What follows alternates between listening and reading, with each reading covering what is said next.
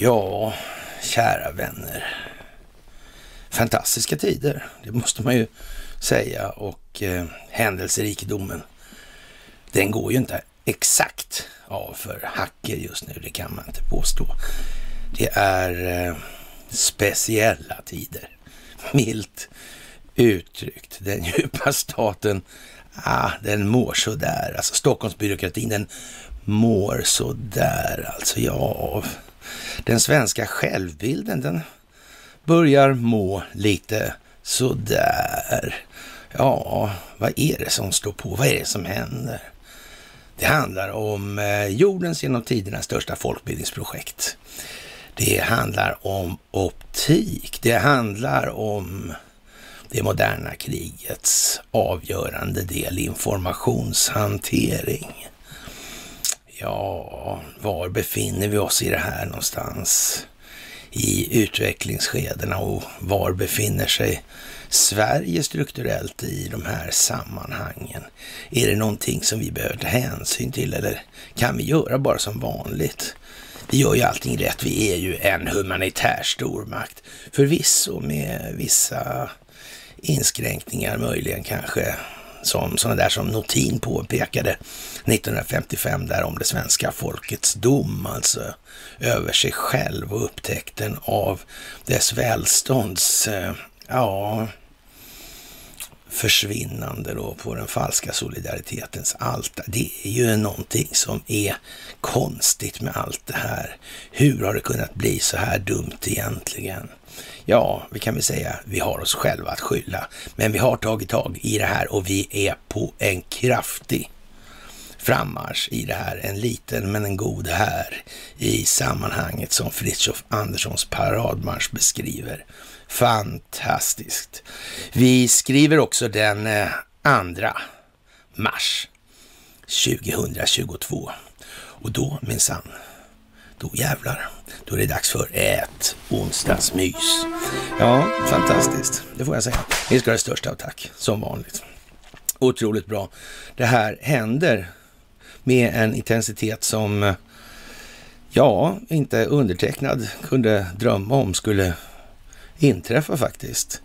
Det var som alltid insikten om hur stort det här egentligen är. Den har man tack och lov inte från början, får man ju säga då. Sen handlar det ju mest om envishet. Va? Det är väl det det kommer an på. Att anpassa valet av metoder.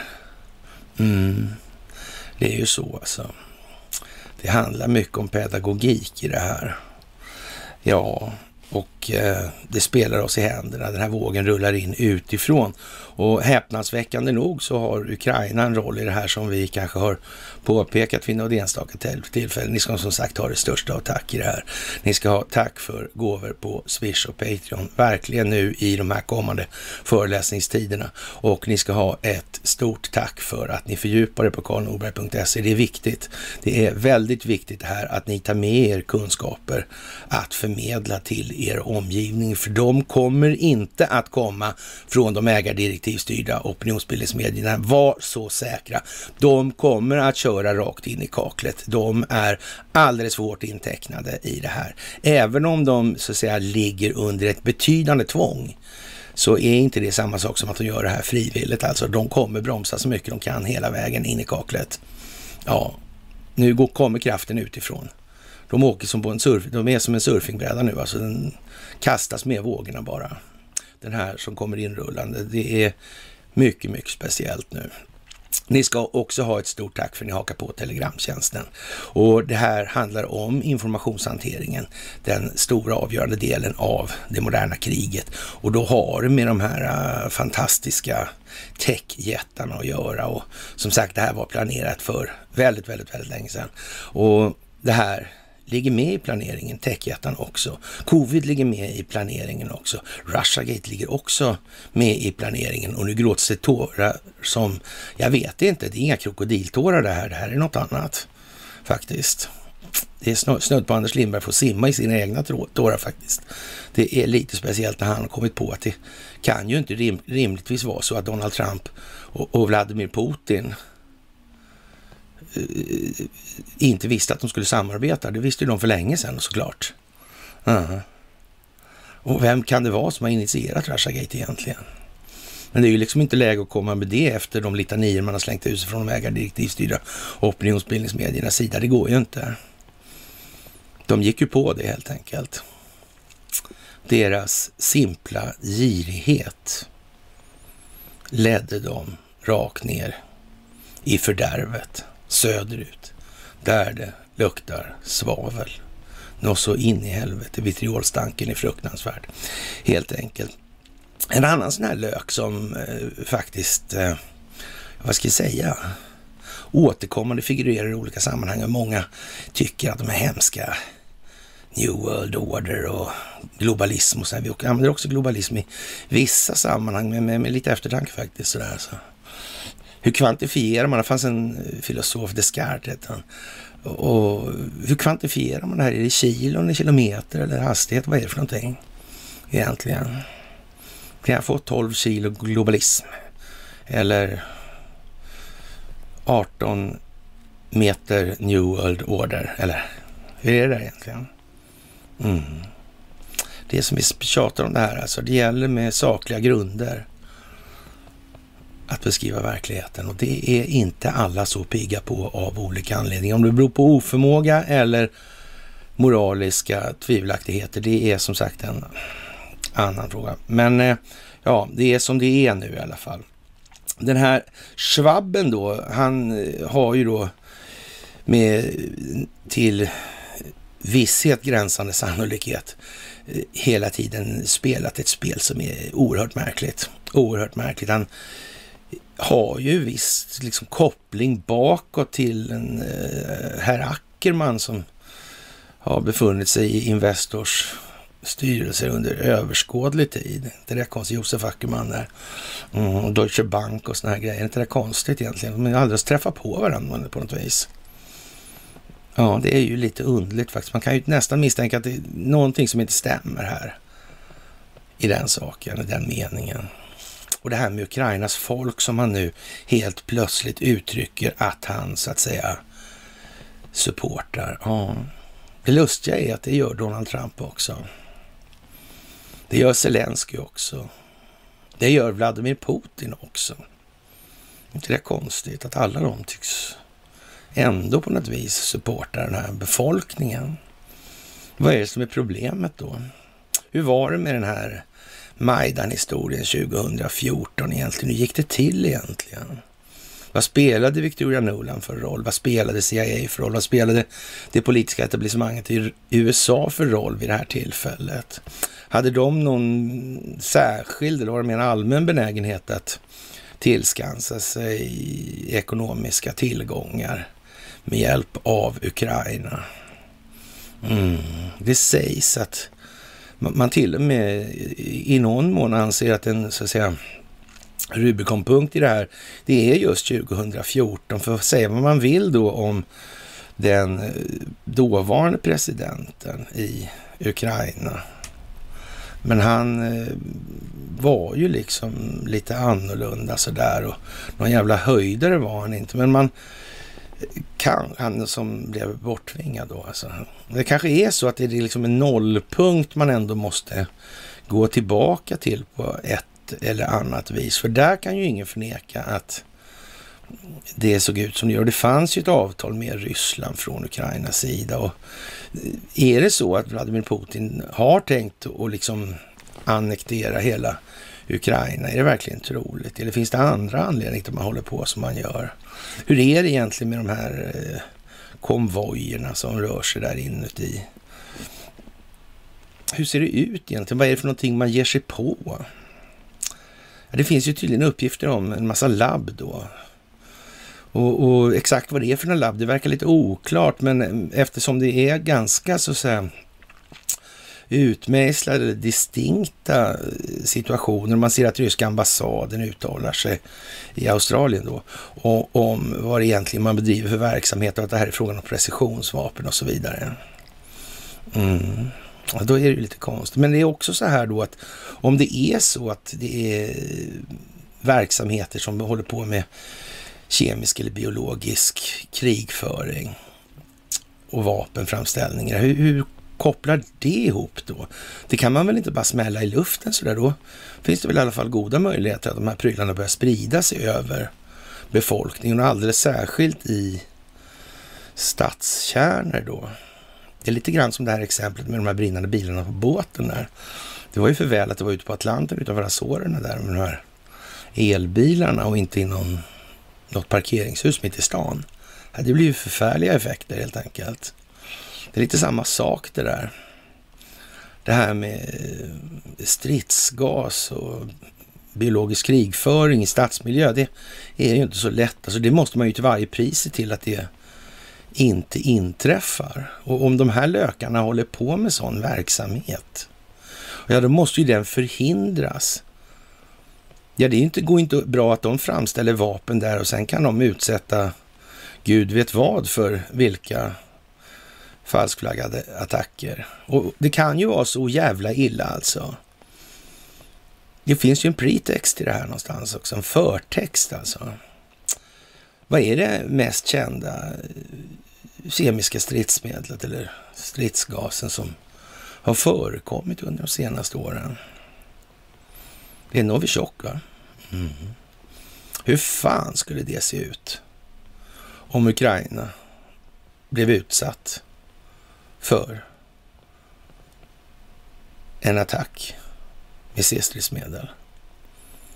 Och dessutom visade det sig att det var Novichok.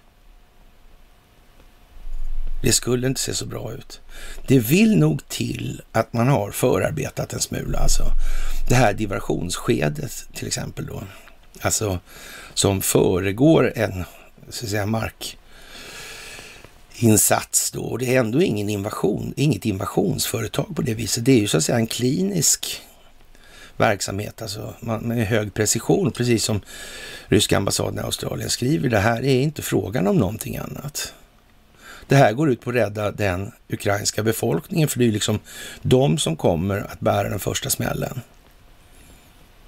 Medan då myndigheterna och då, eller de delar av myndigheterna som så att säga fortfarande lyder under den djupa staten.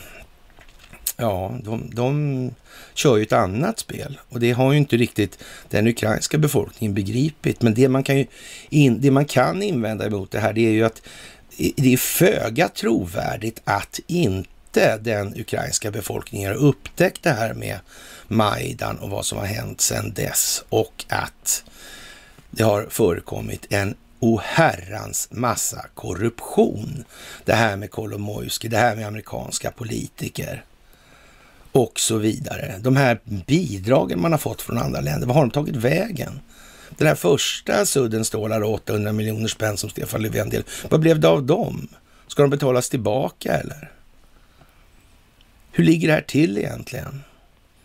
Ja, det blir bara svårare att förklara för de här som så att säga springer den djupa statens ärende. Det är uppenbart på det viset och ingen kan missa det. Det är helt jävla säkert. Så. Och det är kul att se att de vaknar till i alla fall, de olika alternativkanalerna, om man nu ska säga att de gör det då, eller om de finner sig tvungna nu att göra det en det ena, en det andra. Men det är ju lika förbannat så att det är ingen som glömmer vad som har varit och vad de har så att säga valt att förmedla för informationsinnehåll på sina respektive kanaler och så vidare. De har ju inte närmat sig vad som utgör de verkliga problemen i sak i det här. Inte på minsta vis alltså. Det finns ingen djup stat, det finns inget modernt krig, det finns ingen telekominfrastrukturkontroll, det finns ingen skuldmättnad och så vidare och så vidare. Det finns ingenting av de här sakerna som egentligen är de helt essentiella eller avgörande i, det, i saken. Och det är ju som sagt, det är ju bara vad det är och ingenting annat. Men Schwabben, han i alla fall försöker lätta lite på det här och här Soros, han har försökt vägleda landet i 30 år påstår man då numera och ja, eller han numera och jag vet inte om man ska säga att det har varit med någon framgång då. Han är ju till exempel en av de som under de 30 åren har förespråkat för Hillary Clinton att hon ska skicka Carl Bildt till Albanien när det blir stök där. Och Carl Bildt är alltså någon som har blivit utsedd till ett särskilt sändebud eller en hedersambassadör eller vad vi ska kalla det för i Ukraina tillsammans med då Göran Persson och Jan Eliasson. Det är ju tre riktigt prominenta djupa staten-figurer.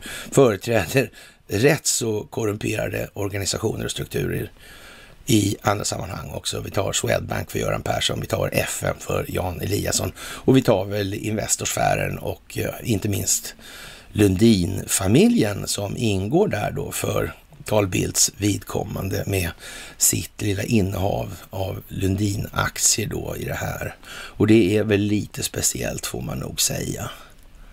Att det blev just så här. Fantastiskt, vilken otur de har nu. Det känns som att det är planerat kort sagt. Och eh, jag tror att många tycker att det här är jättekonstigt och det är surt för Anders Lindberg idag som 06.00 går ut med en liten litania då om hur situationen ser ut och han säger då att eh, Putins, eh, vad man ska säga, eller hur han uttrycker då, att han uttrycker så här att Putins allra tyngsta vapen heter Trump alltså. Och det här är ju som vanligt lite värt att läsa då ur ett pedagogiskt perspektiv då för folkbildningens skull för att lägga en kommentar här och var. Och när eh, ja, det är surt för Anders som sagt det här med Russia Gate idag nu när han fattade att det var en riggning som han sprang i. Och, och det var ju en trist historia, så, men det var ju helt frivilligt för dem och det är ju inte på något sätt otillåtet att hålla på med sådana här saker i amerikanska sammanhang, då enligt amerikansk strafflagstiftning. Det är ju brottsprovokationer, det är ju tillåtna där och det är väl lite sorgfälligt för Anders vidkommande att han är, nu har beskrivit sig själv som inte så lite jävla trög i huvudet. Vilket man då inte kan snacka för mycket om tidigt, om man redan visste då. Man kan ju säga så här att det är inte så svårt att utifrån de resonemang vi har kört då de sista åren så här, att säga att den där är, är ju planlagt liksom och de samarbetar. Den där bilden på Vladimir Putin och, och Donald Trump och så här, de, ja, det vad heter det, vad ska vi kalla det för, det, det var ju 2016 eller sånt där och det var ju liksom rätt länge sedan ändå. Mm, och, och, vi har ju i alla fall antytt på något sätt i bilden då, att med optik då, att de här har förmodligen ett gemensamt intresse där som de lyser på med sina förstoringsglas. Där så skrumpnar den ihop som en gammal jävla soufflé liksom. Mm. Och, och, och då kan man ju tänka sig om det är liksom och det kanske inte kan eh, så säga, exponeras i något initialskede, utan det får ju liksom växa fram efterhand och samtidigt som man röker ut den djupa staten. Då, kanske man inte, då kan man ju tycka då att eh, jag kan ju livet föreställa mig att förtjusningen då på andra sidan Atlanten eller kanske rent av i Kreml inte var så där eh, ja, den gick väl inte kanske upp till tak när den här bilden började segla runt här hemma då. Va? Och, och, det tyckte väl de kanske var väl lite onödigt ändå. Va? De hade ju liksom en rätt djupgående och, och framförallt långtgående planläggningar här och tyckte väl inte att vi skulle föregå händelserna sådär med ja, storleksordningen sju år sådär. Det verkar ju jävligt dumt liksom.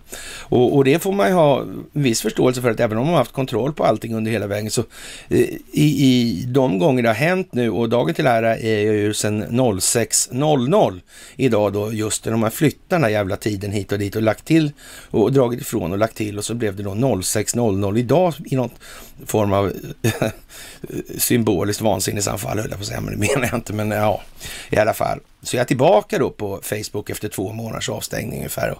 Och jag förstår också att vi måste så att säga förtjäna våra spårar i motgång och inte någon annan lutning. Så är det också. Och eh, nu är vi tillbaka igen och vi får väl se om det bjuds på ytterligare överraskningar i den meningen och det, det kommer det att göra naturligtvis.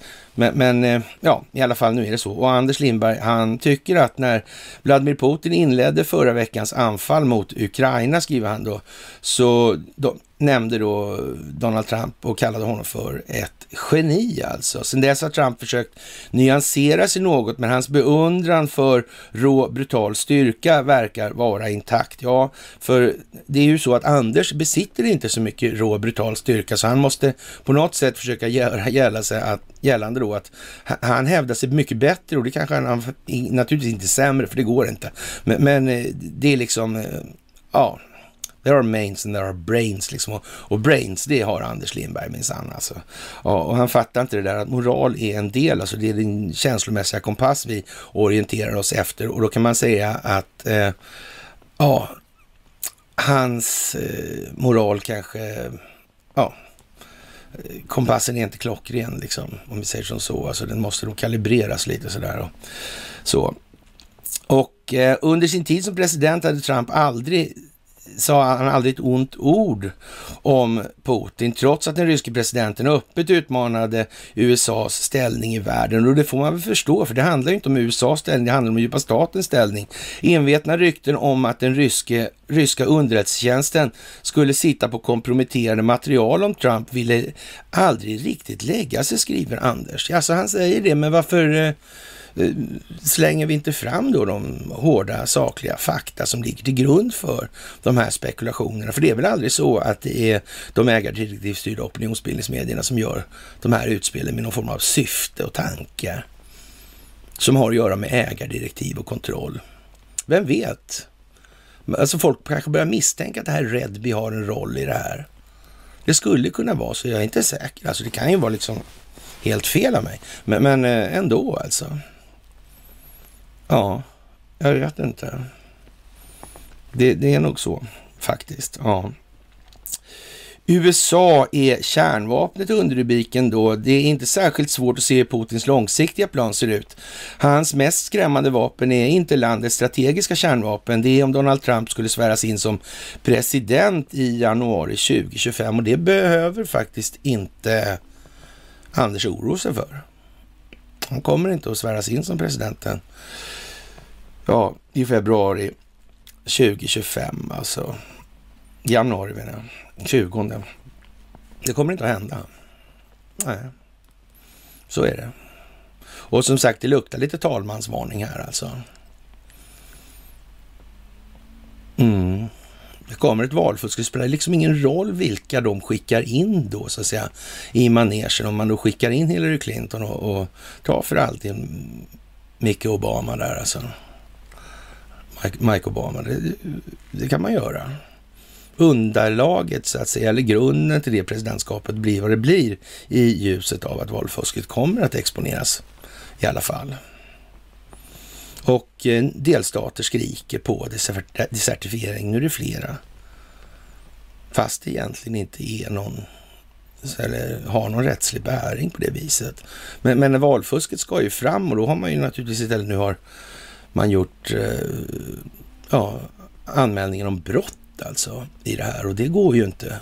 Det kommer ju inte att ha en massa, gå av en massa sådana fällande. Och samtidigt är man ju då betjänt av att ha ett val som faktiskt går till rätt. Och som sagt, det slutliga argumentet finns ju i det här att kunna spela boll alltså. Men då måste man ha en fotboll. Det måste så att säga även en amerikansk president ha. Och vad det innebär, det förstår ni vid det här laget. Och det har inte Joe Biden. Det är någon annan som har det. Den har militären. Så det kommer inte att bli något med den delen heller. Det här är till för att skapa utrymme för att kunna genomföra det här folkbildningsprojektet på global nivå. Och precis som vi har nämnt tidigare så är det så här också att ursäkta, de här eh, små käcka eh, stationerna som är privatfinansierade som pysslar med eh, gensaxeri och skrädda gener och så alltså. Mm. Förmodligen pysslar med en hel del annat också. Mm. Så är det ju.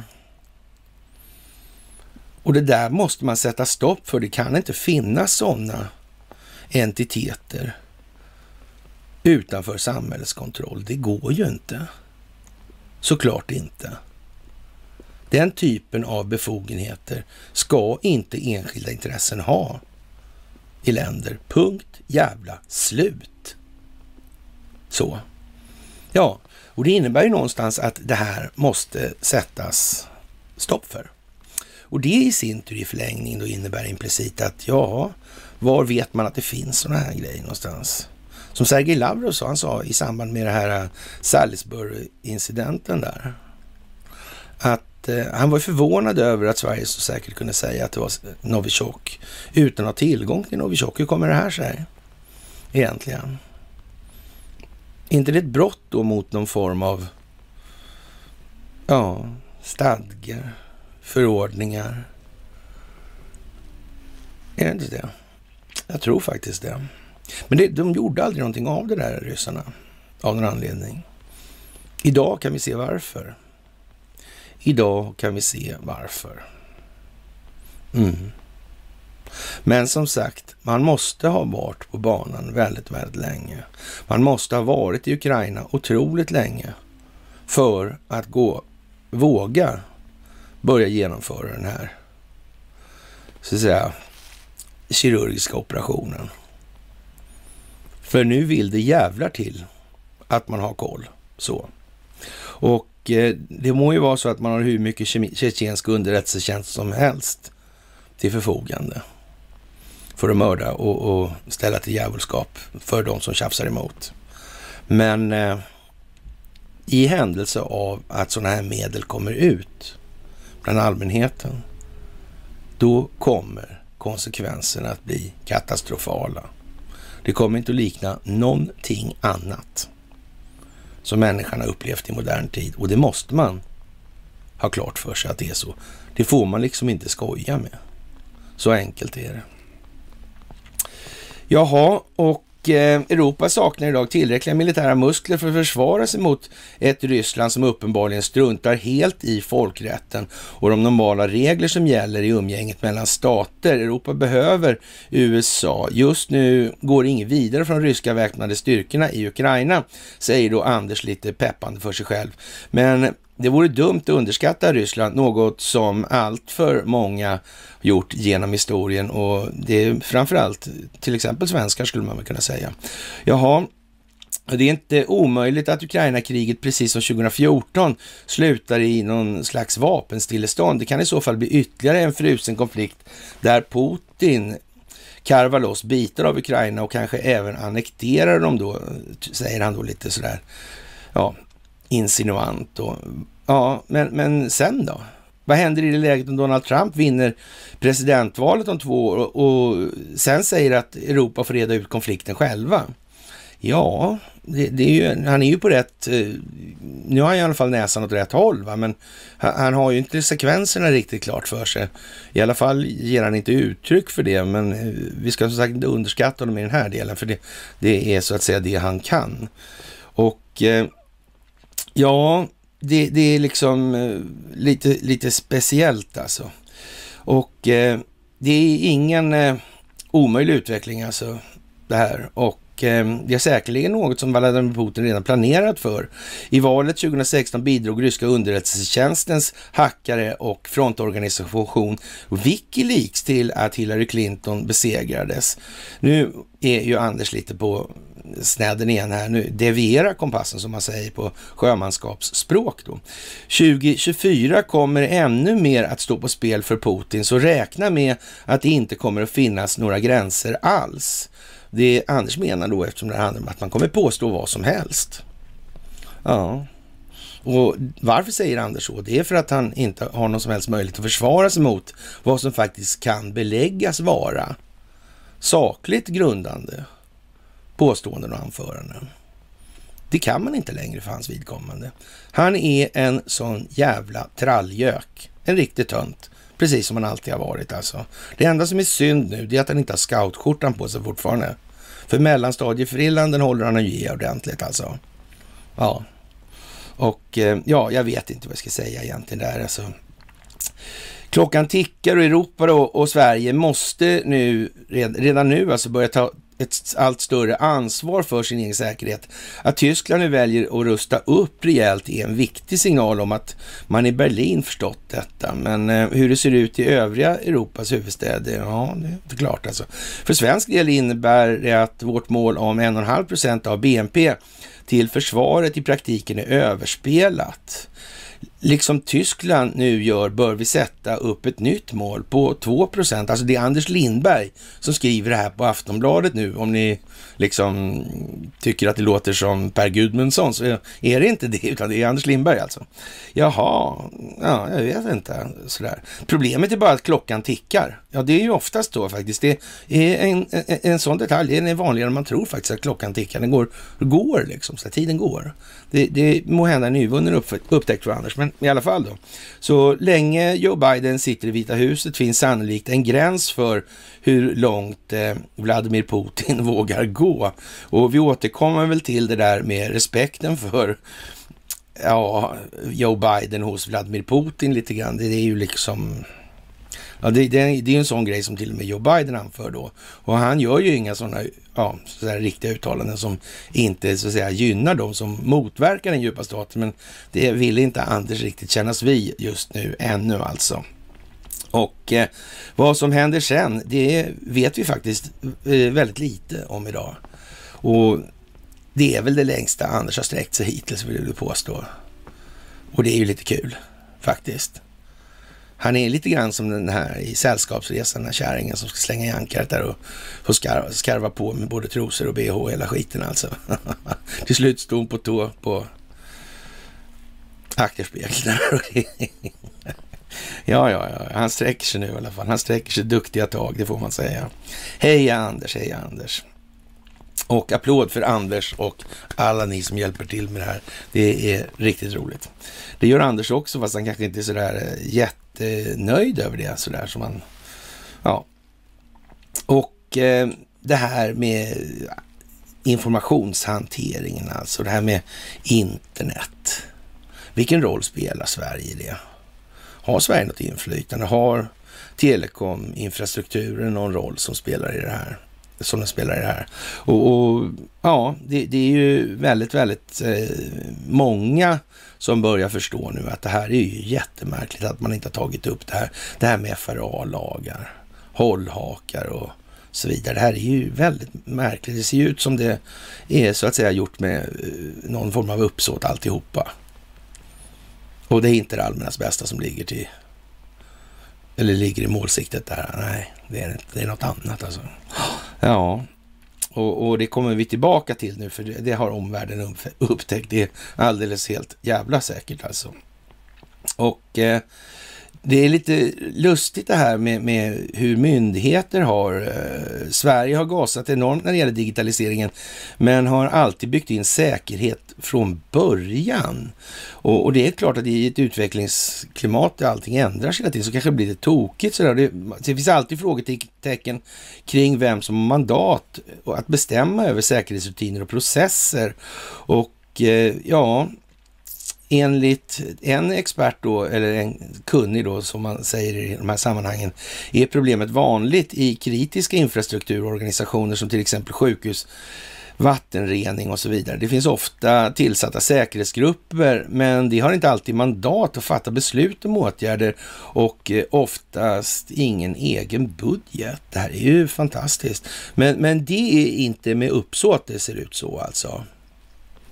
Det, det är liksom det är inte så att någon annan på ett eller annat vis kräver att behålla den kontrollen. Det är det inte. Nej, det är inte det, helt enkelt. Och det får man ju vara lite trög i huvudet om man inte ja, begriper nu. Alltså, det kan vara så att gruppen ser att något måste göras åt e-postsäkerheten och det kan ge rekommendationer, men besluten om pengar till en uppdatering kanske måste fattas av någon annan grupp eftersom säkerhetsgruppen oftast inte har någon egen budget. Alltså, det är ju jättekonstigt. är inte det liksom vad vi brukar kalla för liksom arketypen för en Stockholmsbyråkratisk implementering, en organisationsimplementering? Är det inte så? Vi skaffar en oberoende utredning alltså, som i högsta grad har klart för sig vad man ska komma fram till. Men vi kallar den för oberoende. Det är lite samma sak hela tiden på något vis. Det är liksom att institutionalisera korruptionen. Man skapar en organisation, de har ingenting, ingen mandat att göra någonting. Och, och, och sen kan man peka på den sen om det inte blir något gjort. Men inte det är fantastiskt? Och de får ju mera lön för att sitta där. Så de tycker det gör ju ingenting, att de inte behöver göra någonting. Nej, det är ju som det är naturligtvis. Man kan säga att det finns den tekniska spjutspetskompetensen eller top notch-teknik ute i organisationerna utan att det är mer generalister. Alltså man kan inte se de här grejerna, de är vassa, utan det blir liksom någon form av generell massa där. Då. Det är lite udda. De som borde vara specialister och ha kunnande om det här. Och direkt säga att det här är en sån där och sån där problematik. Det är på något vis har det blivit tvärtom av någon anledning. Det är ju också konstigt. Eller inte alls konstigt skulle man då lite ärligt säga, inte bara sitta och vara spydig hela tiden. Men, men, men, men. Ja, det är ju lite sådär alltså. Och eh, ja, vi, vi, måste ju någonstans liksom komma till rätta med de här sakerna och det kommer vi aldrig att göra med den här strukturen och dess ledning. Det är ju liksom i sakens egen natur. Och eh, Ericsson har ju liksom gjort vad de har gjort i det här och det är uppdagat och nu kommer det här att blomma ut till någonting helt fantastiskt och det har redan blommat ut till någonting helt fantastiskt och kommer exponera både det ena och det andra. En av dem som är eh, främst i de här sammanhangen då en sån här mutexpert alltså och han säger då att nya böter väntar Ericsson och det låter ju dramatiskt. Och det här kommer vi tillbaka till ett antal gånger för det ska tas lite från olika håll hit och dit. Och, för det är ju någonting som faktiskt vederlägger precis allting vi har sagt i de här sammanhangen skulle komma att inträffa och det inträffar nu alltså. Och resten av jorden har liksom ingen jättekoll på det här och det är av förklarliga skäl. Och ja, vad ska man säga, vår politiska adel, den ägnar sig ju mest åt att leverera vapen till Ukraina då. Eller till de här miliserna som seglar runt där. Det är ju inte de reguljära förbanden som gör någonting. De har ju till och med Vladimir Putin uppmanat att ta makten härifrån den här korrumperade massan som finns där inne. Men det går väl lite trögt kanske. Kanske Strelkov måste komma tillbaka, jag vet inte. Det är nästan så va. Mm. Men han är ju mycket för det där med att det ska bli, för, han är ju lite för mycket Moskva tror jag för det ska vara riktigt lämpligt. Faktiskt. Det ska nog vara Ukraina ju som Ukraina. Det är nog en bra grej. Det tror jag. Det ska nog vara självständigt och så. Absolut. Men de ska nog ge fan i att bomba sin egen befolkning. I åtta år liksom. Med 14 000 liv. Som resultat. Jag tror man ska låta bli det faktiskt. Det verkar dumt. Och nu åker ju de här riktigt eh, ja, vad ska man säga, intellektuellt bestyckade individerna ner där för att, spela pajas. Ja, men vad fint då. Det var ju faktiskt riktigt bra då att det finns ett antal tjetjener där nere och kan ta hand om dem. Och för övrigt tycks man ju öppna fängelserna. Det gör man ju alltid i sådana här sammanhang i krig då. Släpper man ut dem där och det kanske inte är så bra att ge dem pansarskott. Man vet ju inte. Det kanske är dumt. Borde man inte tänka på det då? Det kommer miliser in utomlands ifrån och så släpper man ut de kriminella. Det är ingen risk att de skuttar runt och plundrar och har sig, bildar liga. Det finns ingen möjlighet till det, nej. Mm. Så det kanske finns några syften med de här tjetjenska underrättelsetjänstmänniskorna och de är av en lite annan moralisk kaliber än de flesta andra statliga instanser. Det kan man nog fan lugnt säga alltså. Jag minns en gång på den här, um, ja, vad heter det, porrmässan där som skulle vara nere i, om det var Cannes va? Man hade hyrt en jävla Finlandsbåt alltså. Mm. Och ja, på 90-talet. Och då dök det upp en skock sådana där av någon anledning då. Mm. Och eh, alltså, ja trista typer kort sagt alltså. Sådär. Mm. Får man nog säga. Ja, men hur som helst då, det här med Eriksson här och det är otroligt klantigt säger en advokat som heter Peter Uttersson som är korruptionsexpert. Och och då undrar vi liksom, men vadå klantigt att åka fast för det här? Det var bara att åka fast som var då klantigt och, och hur länge har man hållit på med de här mutorna då? Ja, vi kan ju i alla fall med ganska stor säkerhet säga att det rör sig om otroligt lång tid. Vi kan nog dra till med ett sekel utan att skämmas ens. Ja, vi minns ju de här historierna med eh, ben och, och de här. Det gör vi ju faktiskt och det är ju typ hundra år sedan bara det. Så nog fan har det hållit på, men det är klart att det kan man ju uppleva efter hundra år att det är klantigt att åka fast. Men jag vet inte om man ska se det riktigt på det sättet. Man får nog snarare se det som att hur fan kan det här vara tillåtet av den valda församlingen med mindre än att de var korrumperade själva? Där kan vi snacka om deviation på den moraliska kompassen. Big time alltså. Ja, det amerikanska justitiedepartementet alltså, ja, de tycker inte riktigt att det här är bara klumpigt då som den här representativa rättsparasiten tycker då, den här advokaten alltså. Det amerikanska justitiedepartementet Department of Justice, alltså slutsats att telekombolaget Ericsson brustit i sin informationsgivning kring händelserna i Irak blir troligen en dyr historia för bolaget och det säger advokaten Peter Utterström som är expert på amerikansk korruptionslagstiftning till eh, DI och, och, det säger väl det mesta liksom att vi har då svenska advokater som håller sig med eh, att vara experter, eller som är experter på amerikansk korruptionslagstiftning. Man kan undra hur det kommer sig. Mm. Hur kan det komma sig? Och han är säkert väldigt väl bekant med Ericsson skulle man kunna säga. Av en eller annan anledning då sådär. Och eh, ja, det var väl i december då, 2019 som Ericsson, det är fortfarande i november, men skitsamma då, som Ericsson meddelade att bolagen nått en uppgörelse med Department of Justice där bolaget gick med på att betala de här 10,6 miljarderna för korruptionshärvan som bland annat inkluderar mutbrott i Djibouti och så vidare. Och det här. Ja, uppgörelsen är en så kallad deferred Prosecution Agreement, alltså DPA, som innebär att Eh, justitiedepartementet skjuter upp åtalet samt att anklagelserna kommer avvisas när avtalet löper ut om Ericsson uppfyller villkoren i avtalet, vilket då Department of Justice nu säger, hävdar att det inte gör. Då. De, har, de har brutit det här avtalet alltså. Och eh, i början av februari i år meddelade alltså Ericsson att bolaget fått frågor från media om regelefterlevnader alltså kopplade till Irak. Drygt en vecka senare gick bolaget ut med nya uppgifter kring Irak där bolaget medgav att man misstänker sig själva för att ha mutat terroristorganisationen IS för att få tillgång till transportvägar, något som framkom i en intern utredning från 2019. Och då, då får man nästan säga så här, alltså att IS är ju terroristklassat, det är ju liksom helt... Och, och att det där är samröre med terrorister, det får man nästan också utgå ifrån att det klarar alltså amerikanska justitiedepartementet själva av att räkna ut. Alltså, vi behöver inte upplysa dem i mysen om det. Och, så, och även om de har folk som kanske tittar på mysen så här, så ja, det här är ju liksom, det rullar dit det lutar helt enkelt. Och eh, sedan det första pressmeddelandet i början av februari har omkring 35 procent av bolagets börsvärde utraderats.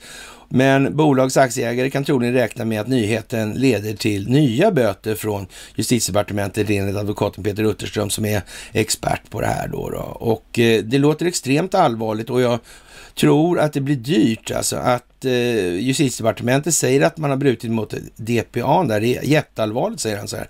Enligt Utterström kommer eventuella böter att koka ner till då vilka argument Ericsson har för det påstått felaktiga rapporterandet. Och jag är ju säker på i den meningen att eh, justitiedepartementet har inte spelat sina kort i otid alltså. Det här är planerat sedan länge. Jag tror till och med att eh, 2016 så nämnde någon som skulle bli president att det fanns ett bolag som hette Ericsson och det fanns någon som hette Hillary Clinton och det handlade om pay for play alltså. Jag tror det var så. Men jag kanske har fel. Eller så har jag inte det alltså. Vi vet inte riktigt. Vi är lite osäkra i den meningen. Inte. Ja, ja, ja, ja, ja. Jaha, däremellan handlar det om eh, dollar alltså. Antingen säger DOJ att eh, man överväger att riva upp avtalet så betalar ni x miljarder, säger han sådär. Och, och de här Xen, de är ju rätt fria alltså. Ja. Och samröret med terrorister gör ju liksom att då har man ju lagrum för att så att säga stänga den rättsliga processen genom konfiskation, eller alltså konfiskera det här, eller expropriera bolaget i USA.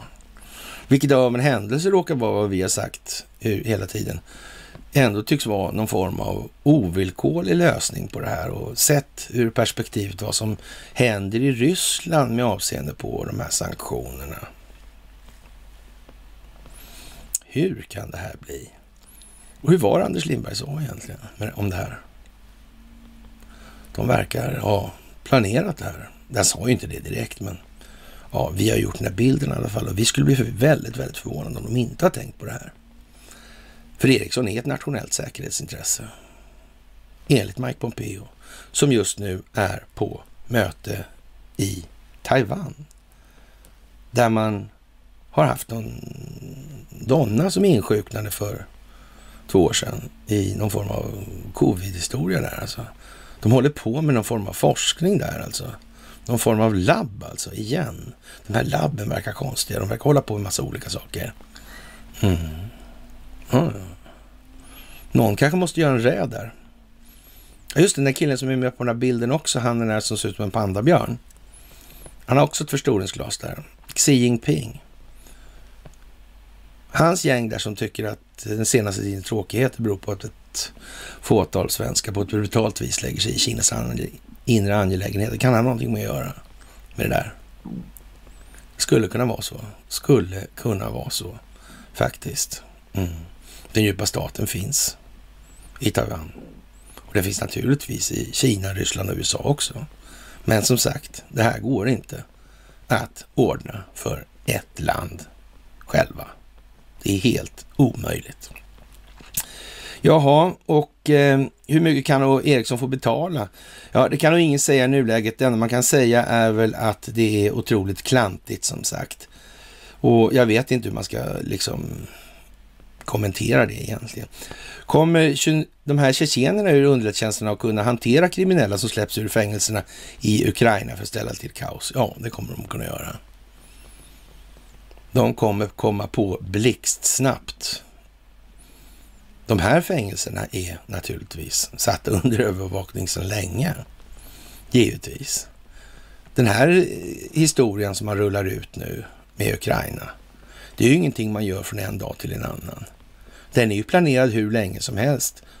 Och dessutom har en så att säga logistiskt understöd i form av datorer som sköter beräkningarna i det här nu. För det är inte sådana här som jag som sitter liksom och bråkar med varandra om vad som är rätt och fel då. Vilket var då som man hade tidigare. Det här är ju liksom bra mycket mer kliniskt och mindre färgat av personliga vanföreställningar och egna missuppfattningar om de egna känslogrunderna, värderingar och sånt alltså. Men eh, som sagt, det är en del att göra nu alltså, även för oss. som sagt, den eh, ryska ambassaden i Kanada var det. Jag tänkte det var Nya Zeeland. Men i alla fall, de förklarar alltså ingående explicit hur eh, det här uppdraget ser ut att vara som är tänkt att genomföras alltså. Och det är alltså en avnazifiering då i det här, de här gamla intressena, man kallar den då den djupa staten för regimen bakom nazismen då. Och det är väl inte sådär eh, jävla långsökt ur ett svenskt perspektiv precis. Det känner de flesta till som följer den här kanalen numera att det finns ju faktiskt lite underliga grejer. Det här med ägandet, Farben och sådana här grejer och det är massa olika frågor om tandguld och det är en det ena, en det andra. Och det här var ju sådana här bolag i grund och botten, alltså det som vart läkemedelsindustrin sen, sedermera det här med Bayer och Hochst och Soda Baders och anilinfabrik och sådana här grejer. Ja, BASF alltså. Mm. Lite speciellt och naturligtvis Krupp då, vapenindustrin och sådär. Och sen hela American IG med Ford och alla bankerna och så här. Mm. En jävla kluster det där alltså. Sådär. Och det måste man faktiskt tänka på nu, att det här har inte, så att säga, det andra världskriget tog aldrig slut alltså. Det bytte bara form och färg liksom. Och sen kördes det på så blev det kallt krig då. Och eh, några hade ju som sagt det kalla krigets uppkomst mer att tacka för sin situation än vad de hade sin egen förbättrade affärsmoral till grund för sin tillvaro vidare. Och eh, som sagt, eh, den ryska armén, de slåss varken mot Ukraina eller ukrainare. De faktiskt eh, slåss mot eh, nazismen och så vidare och avmilitarisera det här. För det, de här miliserna som förses med vapen hit och dit. Det är ju liksom ingen lyckad historia. Och vad, vad kan det bli av det där egentligen? Det har man ju uttryckt specifikt nu att länder som förser Ukraina med vapen kommer att falla under rysk strafflagstiftning. De här som individerna som beslutar om det här. Och det vore väl jävligt speciellt alltså att eh, ja, det är många som, den här NATO-listan är bra också förresten. Det här med att vi ska inte gå med i NATO. Vore det inte ganska bra att gå med i NATO nu? Just nu faktiskt. Ja, det blir oerhört svårt för Sverige att neka NATO tillträde till svenskt territorium då. Oerhört svårt. Och det kommer bli oerhört svårt att eh, förhindra insyn i den verksamhet som har bedrivits. Mm. Så är det också. Mm. kanske man ska tänka på nu istället. Det kan ju vara lite bra då om vi säger. Men det bygger mycket på det här att man förstår att det här faktiskt är ett större spel. Det här handlar inte om länder och konflikter länder emellan. Det här handlar om människor som individer mot den djupa staten. Det handlar om folkbildning. Det handlar om ett medvetet medvetande i fråga om hur den här situationen ser ut i verkligheten. Det är vad det hela handlar om. Och eh, jag tror att många tycker att det här är jättesvårt faktiskt fortfarande och jag har en allt mindre förståelse för att det är så också. Och jag tycker att vi ska, en viss otålighet alltså på det viset, även om jag förstår också att det är ingen väg framåt, så jag får hela tiden hålla tillbaka i det här alltså. Det borde kunna gå lättare nu kan man tycka, men det säger ju tyvärr också lite grann om hur situationen är beskaffad eller disponerad själsligt i det här landet.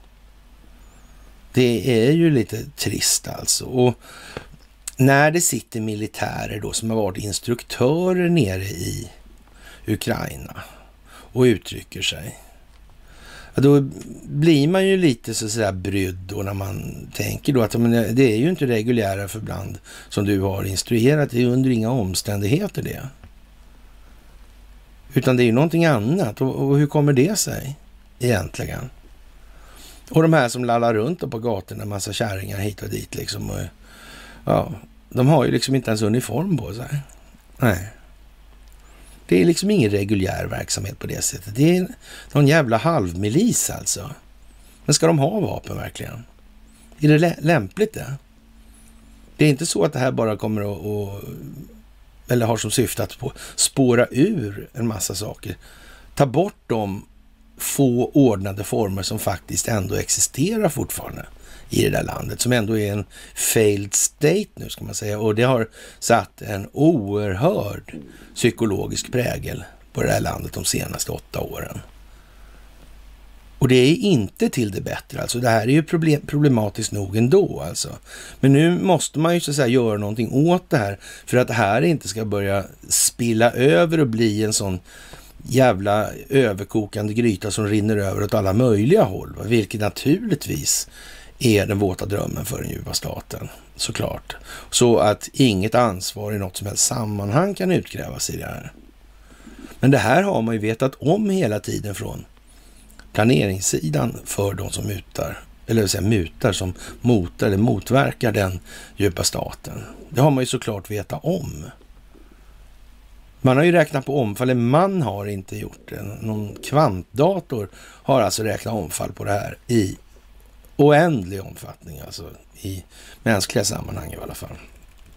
Jaha, som sagt, Ryssland får ju allt för ingenting när Europeiska unionen har kopplat bort ryska banker som föremål för sanktioner för Swift. Alltså sju stora långivare i landet har blivit föremål för mål, då, inklusive VTB, Rossia och Kritje, Novikom Bank, Promys, Viasbank, Eh, så Sovcombank och VEB RF då. Rysslands största bank, Sperbank, nästan som sparbank va? Ja, finns inte med på listan för närvarande. Nyheten tillkännagavs i EUs officiella tidning på onsdagen idag alltså. Och eh, det här är ju lite speciellt då med de åtgärder som Ryssland har infört i kombination då. då. Man får ju intrycket faktiskt att det här handlar om att stänga av de här eller de här människorna som, ja, om vi ska säga Bill Browder och de här. Men Bill Browder ska vi också ha klart för oss, han han som gjorde anmälan på Swedbank. Det är nog så att Bill Browder, han har fått väldigt, inte sådär jävla bra erbjudanden ska man säga, men i alla fall eh, relativt sett bättre erbjudanden än vad som det andra alternativet var alltså. Mm. Så. Man kan säga att när Ericsson betalar de här 10 miljarderna eller 10,6 då så Ja, det var väl för att köpa sig betänketid och tillvänjningstid för inför vad som komma skall. I princip då. Ja, så mycket annat kan det ju inte gärna ha varit. Frågan om, annars hade ju inte det här dykt upp. För det var inte så att man, man från eh, justitiedepartementets sida slutade övervaka. Det är klart man har sett allting hela tiden. Det gick liksom, man visste redan vad det här skulle, och man lät dem traska vidare hela tiden. Det har inte varit något annat, aldrig någonsin ens. Och det är ju lite lattjo kanske. Ja, och eh, som sagt, det är en lång strategisk planering i det här och nu är det en länk från Newsvoice och det kan jag ju säga först som sist att jag är, är eh, mm, inte jätteimponerad i alla lägen alltså. Jag är inte alls imponerad överhuvudtaget. Men, men eh, ja, jag behöver inte skrika rakt ut i alla fall när jag ser det. Alltid sådär. Och eh, ja, det är lite speciellt sådär. Det är viktigt att hata Ryssland då enligt Brzezinski tidigare. Men ja, som sagt, det där är ju lite eljest med de här. Alltså det är jävla konstigt att det de här vändningarna under galgen nu. Menar man på allvar att man har varit så jävla trög i huvudet så länge? Men det går inte att ta på allvar. Då är man ju för fan snudd på otillräknelig. Det kan inte vara så. Då ska man i alla fall inte liksom ge sig på någonting så dumt som upplysning i den meningen alltså. Det kan ju bara, liksom, det verkar ju ha blivit jättemycket fel hela vägen. Liksom. Hur kommer det sig det här? Och vad var det exakt man inte förstod? Man får väl reda ut det här åtminstone då och säga att jag fattar inte det där då. Och jag har inte fattat det där och jag har inte fattat det där. Och, och, och, så får man ju väga och mäta då inför de här uppgifterna. Är det rimligt då att man inte förstår det där? Alltså det är inte rimligt att tro så här att jag inte fattade att eh, Vladimir Putin och, och, Donald Trump skulle samarbeta. Den här bilden gjordes 2016. Det är, inte, det är ingen rimlig slutsats. Nej. Men däremot så kan man ju säga så här, då kanske jag i analogi med det resonemanget skulle ge ett fan i att kliva så långt över så att säga, strecket så många gånger. För det har ju blivit lite sådär. Äh, och, och ja, det är klart jag förstår varför. Det är som vi har sagt, liksom, vi måste gå i takt. Va? Det är ju det jag menar. Jag kan inte hålla på lite som, jag som vi tycker på det viset. Det går inte. Och, och, det här är ett stort spel och det är ett viktigt spel och det är liksom enorma resurser som sätts in och håller på. Då ska inte några sådana där checka, som tycker de är checka, liksom komma och säga massa saker. Men jag hävdar det ändå. Alltså, jag är inte intresserad och det kan jag säga först och sist igen. Alltså, jag är alltså inte ett skit intresserad av att vi som befolkning ska exploateras av någon jävla träskalle. Gränsen ska försvaras. Vår integritet, vår befolknings integritet ska försvaras. Något så in i helvete. Och vi får stå med vår dumhet när så behövs. Men i alla andra lägen så ska vi sträva efter att bli så medvetet medvetna att vi själva kan fatta våra beslut för vår geografiska landyta. Punkt jävla slut med det alltså. Det är ingenting att diskutera. Och det där tycks vara något helt otroligt svårt att förstå för väldigt många. Och, och ja, jag tycker inte det är så bra. Faktiskt. Men jag tycker det är exakt som jag sa här nyss, att det, så tycker jag vi ska resonera i de här sammanhangen. Och eh, ja, kan det vara så jävla illa när man från Israels sida lägger upp olika filmklipp och sekvenser då och, och sen visar det sig att det är stjärnornas kriggubbar som står där. Och alla har ju sett det här då när den här militären då visar upp sina kompisar då som är på en plats där det finns stridsfordon och så vidare. Och vad, vad hette han? Djupström också, något sånt där jävla jättebra namn också för säkerhets skull liksom. Och, och ja, det där, det, det är ju liksom, ja, det är ju samma film, de här kärringarna som springer där över gatan. Denna förekommer ju i hur många sammanhang som helst då. Och, och, det här är ju någonting som är uppenbart riggat för att människor ska reagera. För att människor ska se att det här är ju inte riktigt trovärdigt. Det här är lite tokigt. Och när man då så att säga från israelisk sida börjar visa upp filmer med Star Wars-gubbarna då, då, de här Darth Vaders, de här vita plastgubbarna, ja sådär. Ja, då är, ska det behövas verkligen alltså. Det går inte att tänka till själv. Alltså jag förstår att absolut, jag förstår att den eh, så att säga, själsliga dispositionen i, i, Israel är vad den är som en konsekvens av vad man har intalat det där, den befolkningen att de är för någonting. Och, och jag är, eh, det är ju kanske det, en av de mest sorgliga sakerna, det som jag sa till Conny för många, många år sedan, sådär, att det är ju fan inte klokt alltså. Det, ja, vi är de som kommer få stå där på sluttampen och försvara deras religion och deras rätt i sin egen religion. Det sa jag till honom, du och jag kommer få stå där alltså. Och, och det skulle inte förvåna om de blir ensamma heller. Nej. Och så, nu har de skrikit nazist och förintelseförnekare i åratal liksom. Ja. Och, och, det var helt givet att det skulle bli så här. Och, och det är ju lite svenskt alltså, att behöva köra upp Darth Vader-legionerna där. Det säger en del och Netanyahu säger en annan del. Han säger att i, Israel är det ingen demokrati, det har aldrig varit demokrati. Det har alltid varit den djupa staten som har bestämt där och ingenting annat. Kom igen nu. Och det är snudd på man undrar om inte de här mutorna som har varit då med ja, Kockums då, eller Thyssen. Mm. Grupp. Om inte det var i säck innan det kom i påse alltså.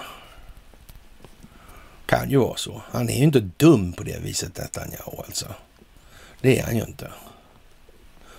Och, och, han har nog vetat om liksom att när, om det är det som kniper, då är inte han mer svår att ta bort än någon annan liksom för den djupa staten.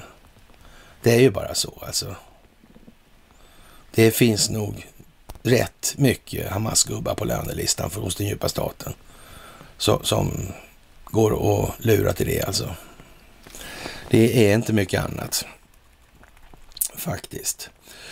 ja, om vi då lägger detta till allt vad vi redan vet och gällande förutsättningar för en kommande utveckling så kan man väl säga då att vi börjar nästan se hur det här ska bli då på slutet. Och vi kan väl göra en liten spekulation eller en postulat eller postulering då att vi kan nästan se då hur mötet mellan öst och väst sker, sker någonstans. Det är nog bra att ta det i kärnan då som alla har chattrat om. Och det, jag vet inte om, det är klart att det vore bra om man byggde om Globen nu för den här tillställningen då lite grann. Som ska bli då, men själva mötet mellan öst och väst, det kan man ju undra då vad det ska vara någonstans liksom. På det viset. Kan, ja, det kan vara på en guldbro kanske då. Jag vet inte. Det ligger ju nära den här Globen och sådär. För den fina bilden vi har gjort och Johanna har gjort på min idé där. Ja, det här kan ju vara så. Vi får väl se om det blir så helt enkelt. Ja, det behöver inte bli så, men en intressant notering i alla fall att det är fortfarande inte stängt den vägen och vi har väl tänkt kanske på det lite tidigare också. Så här.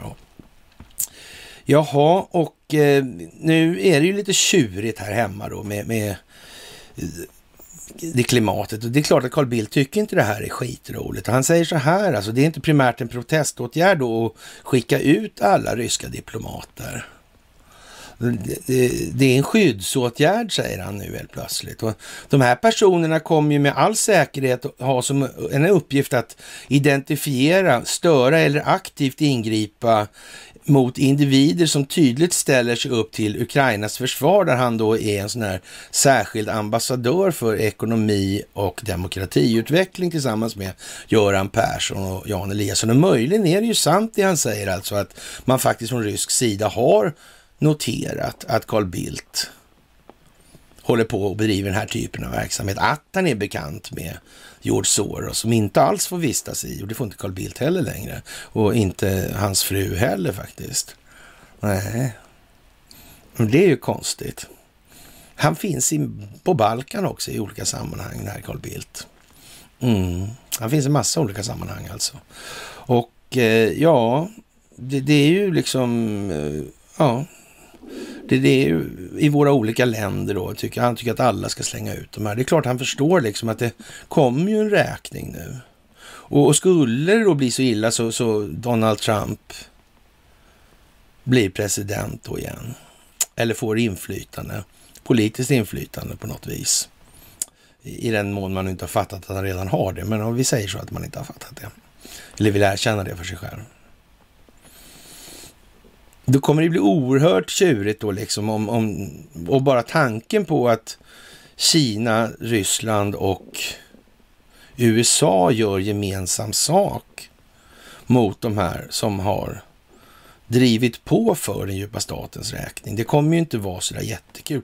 Alltså det här med utlämningsavtal, där, om de tre länderna säger till ett land så nu lämnar ni ut den där till oss. Punkt. Ja, då är det klackarna ihop med en smäll, helt säkert alltså, enskild ställning som gäller. Mm, utan diskussion. Det är nog rätt så speciellt alltså. Det här skriver Carl Bildt på sin blogg också så alla ska se det. Det är ju lite speciellt. Det är säkert väldigt frivilligt. Ja, den ryska diplomatin utgör ett hot mot Sverige. Det anser Säpo som hävdar att var tredje diplomat egentligen är spion och det kan man ju faktiskt hålla med om att så är det absolut. Men det är ju ingenting som är särskilt originellt för vad då Ryssland håller på med. Så är det med alla länders ambassadpersonal, alltså diplomater. Det är ju liksom inget unikt, så det finns inte en alltså, attachékärring som inte läser så att säga, den kolorerade veckopressen med ett särskilt syfte och sitter och antecknar hela tiden. Och, och sen har man sådana här små klubbar då, då, där de här går och skvallrar med varandra alltså. Och så försöker man lysta, luska ut då saker. Man har små konstresor och ja, allt sådär. Och allt under ledning av någonting som är en doyen då, som är då den äldste diplomaten på platsen då. Så man ser till att man får en kontinuitet i det här då. Och, och som sagt, det är ju lite, lite av förlängningen på det här som inte egentligen borde finnas i de sammanhangen alltså. Ja, och eh, Säpo-chefen tycker att det här är ett politiskt beslut alltså och ingenting för Säpo. Alltså det är inget... Man, de, de behöver inte bry sig i det här, tycker, tycker hon då. Och eh, det får de bestämma alltså. Totalt befinner sig drygt 30 ryska diplomater i Sverige enligt utrikesdepartementet och var tredje rysk diplomat jobbar under diplomatisk täckmantel och arbetar egentligen inte åt någon av Rysslands underrätt och arbetar egentligen åt någon av Rysslands underrättelsetjänster, säger Säpo till SR-podden Gräns i somras. Samma uppskattning gör Säpo idag efter Rysslands invasion av Ukraina då, men det här med invasion är inte liksom, det, de, de är inte hjärndöda på Säpo. Jag tror inte de sticker ut hakan så långt och gör de det så gör de det för att de inte ska finnas kvar. De vet de redan det i så fall. Det där är ju klumpigt helt enkelt. Rent generellt har vi inte gjort några förändrade bedömningar där, säger Säpos chef Charlotta Essen till SvD då. Vilket hot utgör de här diplomaterna för Sverige? Ja, vi har påtalat under lång tid att hotet från främmande makt är bredare och mer komplext än innan. Ett verktyg som man använder sig av underrättelseinhämtning genom att till exempel försöka värva agenter. Ja, så det här är ett hot, precis som man har påtalat tidigare. Det har alltid varit ett hot och aldrig någonting annat, skulle man väl kunna säga lite förnumstigt då. De ryska diplomaterna måste ut ur landet, tycker Sveriges före detta statsminister Carl Bildt då i det här. Och ja, diplomatin är död och det är viktigt att vi inser det här, skriver han i ett blogginlägg. Och det, det publicerades förra veckan alltså. Och ja, det, Bildt konstaterar här alltså att alla EU-länder bör utvisa samtliga det som man identifierat som delar av de ryska säkerhets och underrättelsetjänsterna på de ryska ambassaderna. Och eh, nyligen blev det känt att USA utvis utvisar 12 ryska diplomater efter anklagelser om spionage. Och i den meningen så kan vi väl säga så här att eh, vi ska heller inte glömma bort då att när det gäller den djupa statens roll inom utrikestjänsterna, alltså utrikesdepartementerna, så är ju inte den ringa på något vis alltså. De är ju inte dumma i huvudet liksom på det viset. Det ska inte finnas en massa frifräsare inom, under, eller inom utrikesdepartementet. Det är därför till exempel som UD inte har så mycket bokföring som de kanske borde ha. Och, och allting är liksom lite blandat där med Sida och så vidare. och så vidare. Det beror ju på någonting alltså. Det har sin grund i samma gemensamma problemställning över hela linjen i alla länder dessutom. Det ska man ha klart för sig. Och eh, ja, de som till exempel har supportat Lundin Oils verksamhet på olika kontinenter, ja de har ju gjort det alltså. Och det är klart att de som har gjort det finns ju naturligtvis, de finns ju registrerade. Och det går, det går ju liksom inte att komma undan. Vad fan tror de? Att vi ska isolera, vi ska aldrig liksom... Nej, det går inte. Det är liksom som det är nu bara. Den tidigare moderata försvarsministern Mikael Odenberg som, eh, ja vad ska säga, alltså, vill gå ännu längre. I ett inlägg på Facebook skriver han att Sverige bör utvisa alla ryska medborgare oavsett om de är oskyldiga studenter, hyggliga turister eller korrumperade oligarker. Och jag vet inte vad det säger om honom egentligen, men man, man anar ju liksom att han, han, han känner ju någonting. Jag tänkte jag skulle dra det innan, men jag sket i det då, så nu alltså. Så ja, med, med liksom det, det, alltså leta kopplingar då för fan. Och se om det finns möjliga liksom, anledningar till att han håller på som han gör i det här. Ja, men det förefaller ju rätt uppenbart att han har ett dåligt samvete för någonting. Om han inte hade något, är, är det bara någon sån här äh, allmän känsla för, och, och för den svenska befolkningens välmåga som driver honom i det här när han säger det? Är det verkligen det som spelar roll? Det har ingenting alls, alltså ingenting att göra med att han tror att, och han kanske anar att det ligger konsekvenser i farans riktning som han inte kommer uppskatta alltså. Kan det vara så? Börjar de bli nervösa? Börjar de se att det här, det här kommer gå åt helvete med musik? Big time? Ja, jag vet inte faktiskt. Man får ju tro vad man vill här helt enkelt. Och som sagt, det är aldrig snyggt med falsk blygsamhet eller ödmjukhet som jag håller på med nu faktiskt. Men vi behöver inte dansa på gravarna, så det är Ja, det är trist helt enkelt och eh, Tillsammans med cyberangrepp och påverkansoperationer, diplomater som jobbar för underrättelsetjänster ett problem som har funnits under, under flera år och som är ett pågående aktiviteter berättar Charlotte von Essen. Och det är precis som jag säger, alltså det, det, det är överallt hela tiden. Och sen är det ju naturligtvis frågan om hur mycket kopplingar har de här då till den djupa staten. Och vi kommer lite senare här nu till eh, en annan fråga. Det är en mycket intressant fråga egentligen, det här med största spionerna. En av de grejerna som man brukar försöka lägga sig vinn om, i alla fall när det gäller då utrikesdepartementet och de attachéer till exempel man skickar ut. Så det är ju liksom inte, man ska inte ha eh, drogproblem och man ska inte ha liksom eh, sexuella vidlyftigheter och så vidare. Och sådär, därför att det är otroligt lätt att hamna i de här fällorna då. Och, och, det är ju så det går till med de här värvningarna då.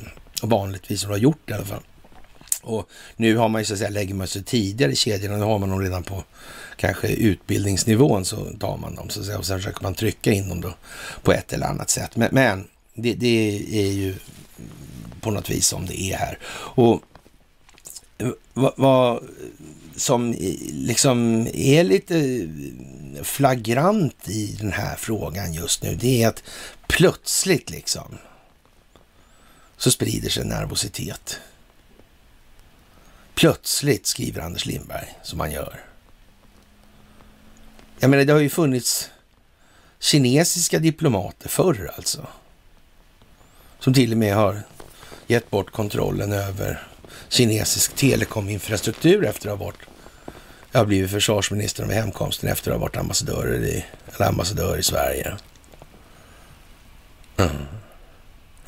Men hur i helvete ska Carl Bildt och de veta vad som har läckt, på vilka håll, inför vilka ställda ultimatum? De har inte en chans. Och det är klart att allihopa har en del att... Ja, det är som det är nu. Mm. Det är klart att sådana här EU-representanter, som, eller ministrar i EU, som trillar ut från balkonger som, där de är, och så är ständiga medlemmar i NATO-ledningen. Det är klart att det är som det är nu. Sådär.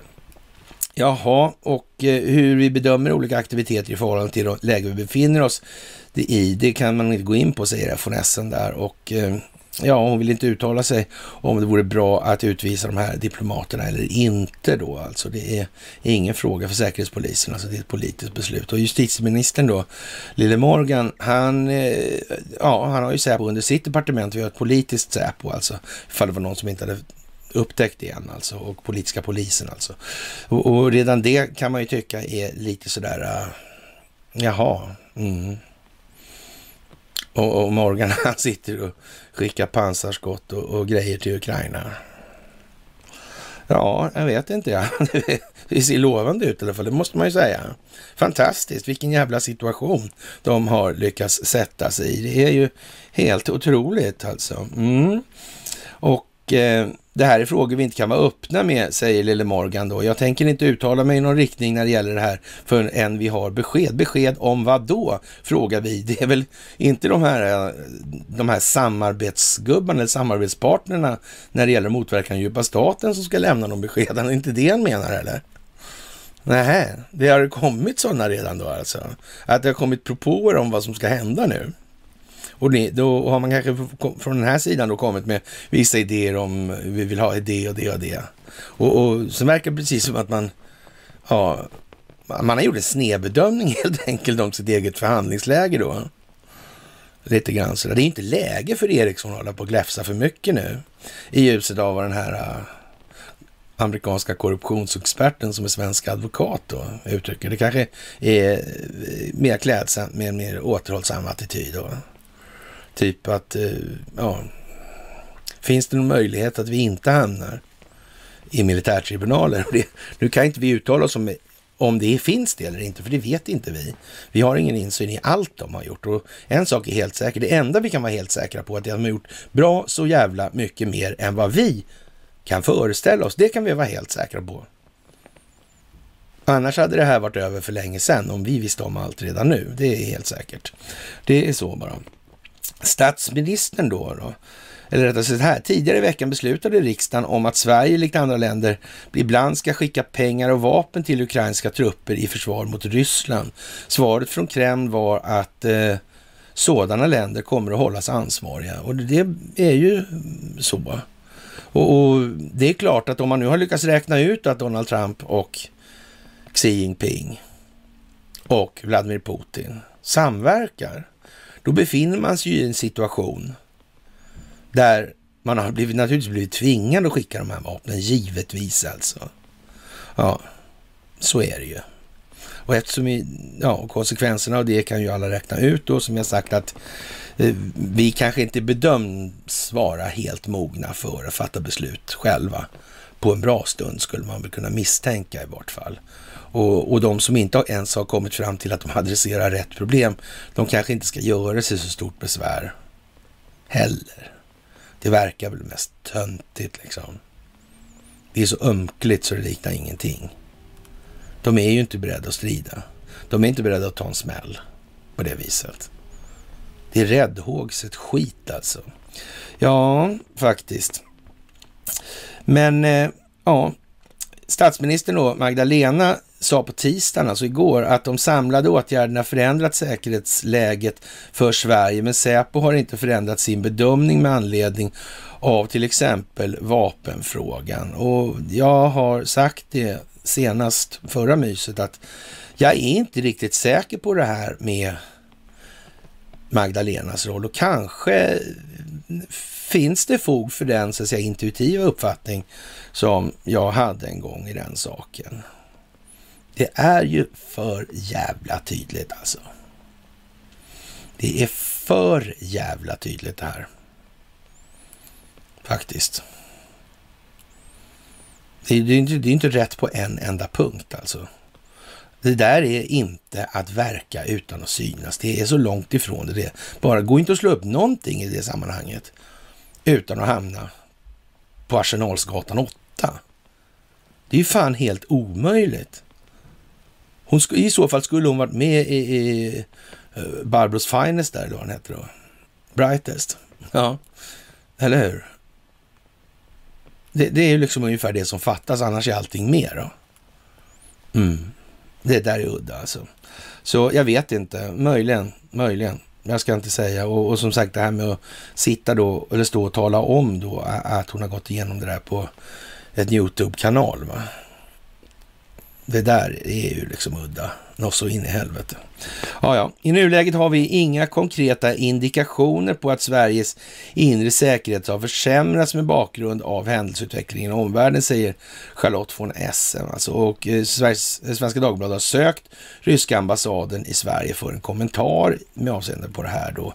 Och mm, ja, det är väl liksom eh, som det är. och, och ja, det går ju liksom inte att säga så mycket. Och vad händer då? Varför kommer det så här till exempel att Stora Enso stoppar all produktion och försäljning i Ryssland? Och det, det är, de har ingen, inget annat än rysk personal. Och, och det är klart att eh, med anledning, eller i anledning av det här med de här sanktionerna så har ju då så att säga Ryssland rätt att göra någon form av proportionell, proportionell åtgärd. Det måste, kan ju ingen säga något om och det kommer ju naturligtvis att innebära då att eh, ja, det är bara att förstatliga de här bolagen helt enkelt. Det är bara att expropriera skiten rakt av. Och det kommer inte gå att liksom argumentera emot. Och dessutom är det så här att de pysslar med exploatering av ryska naturresurser. De har rysk personal och så vidare. Och vinsten på det där, som det där bolaget gör, den hamnar ju inte i Ryssland. Nej, den hamnar på kanalöar på ska, i skatteparadis. Och jag är inte övertygad om att, att det kommer bli folkstorm i Ryssland för att man sätter en statlig regi på det där. Faktiskt. Det kan möjligtvis inte... Ja, det är som det är alltså.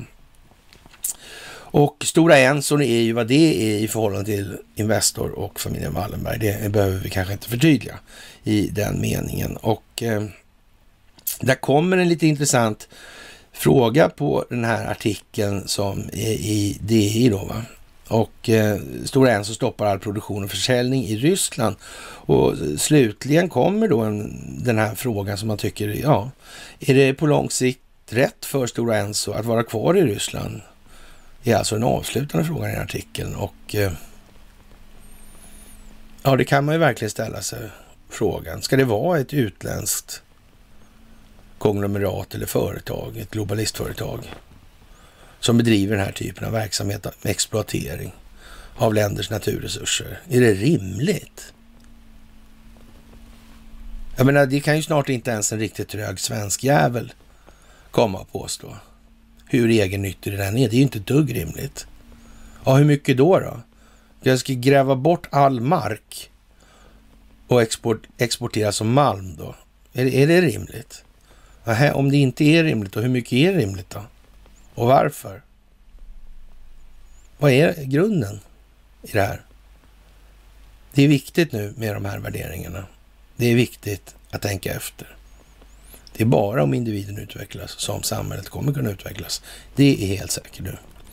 Det borde alla kunna se faktiskt. Ja, som sagt, inte en svensk anställd där till exempel. Och eh, ja, är, det, är ni oroliga för repressalier mot era anställda i Ryssland? Nej, det är de inte. Där Så det inget Ja. Har ni för avsikt att göra er av med några tillgångar i Ryssland? Det är inget vi spekulerar i, i nuläget. Det här är en temporär nedstängning.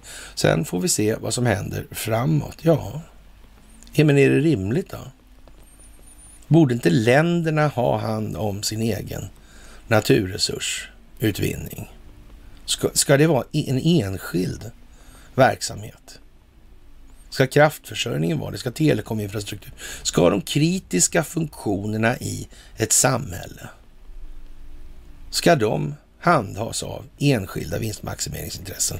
Ja, jag har sagt det här några gånger nu och jag kommer att fortsätta att säga det. Och jag tycker att det borde vara dags för fler att ta tag i den här tanken. Jaha, SKF stänger ner sin fabrik i Ryssland och det var kanske inte sådär jätteoväntat om det ska rulla dit det lutar. Och eh, ja, det är som det är. Det är exakt samma resa naturligtvis.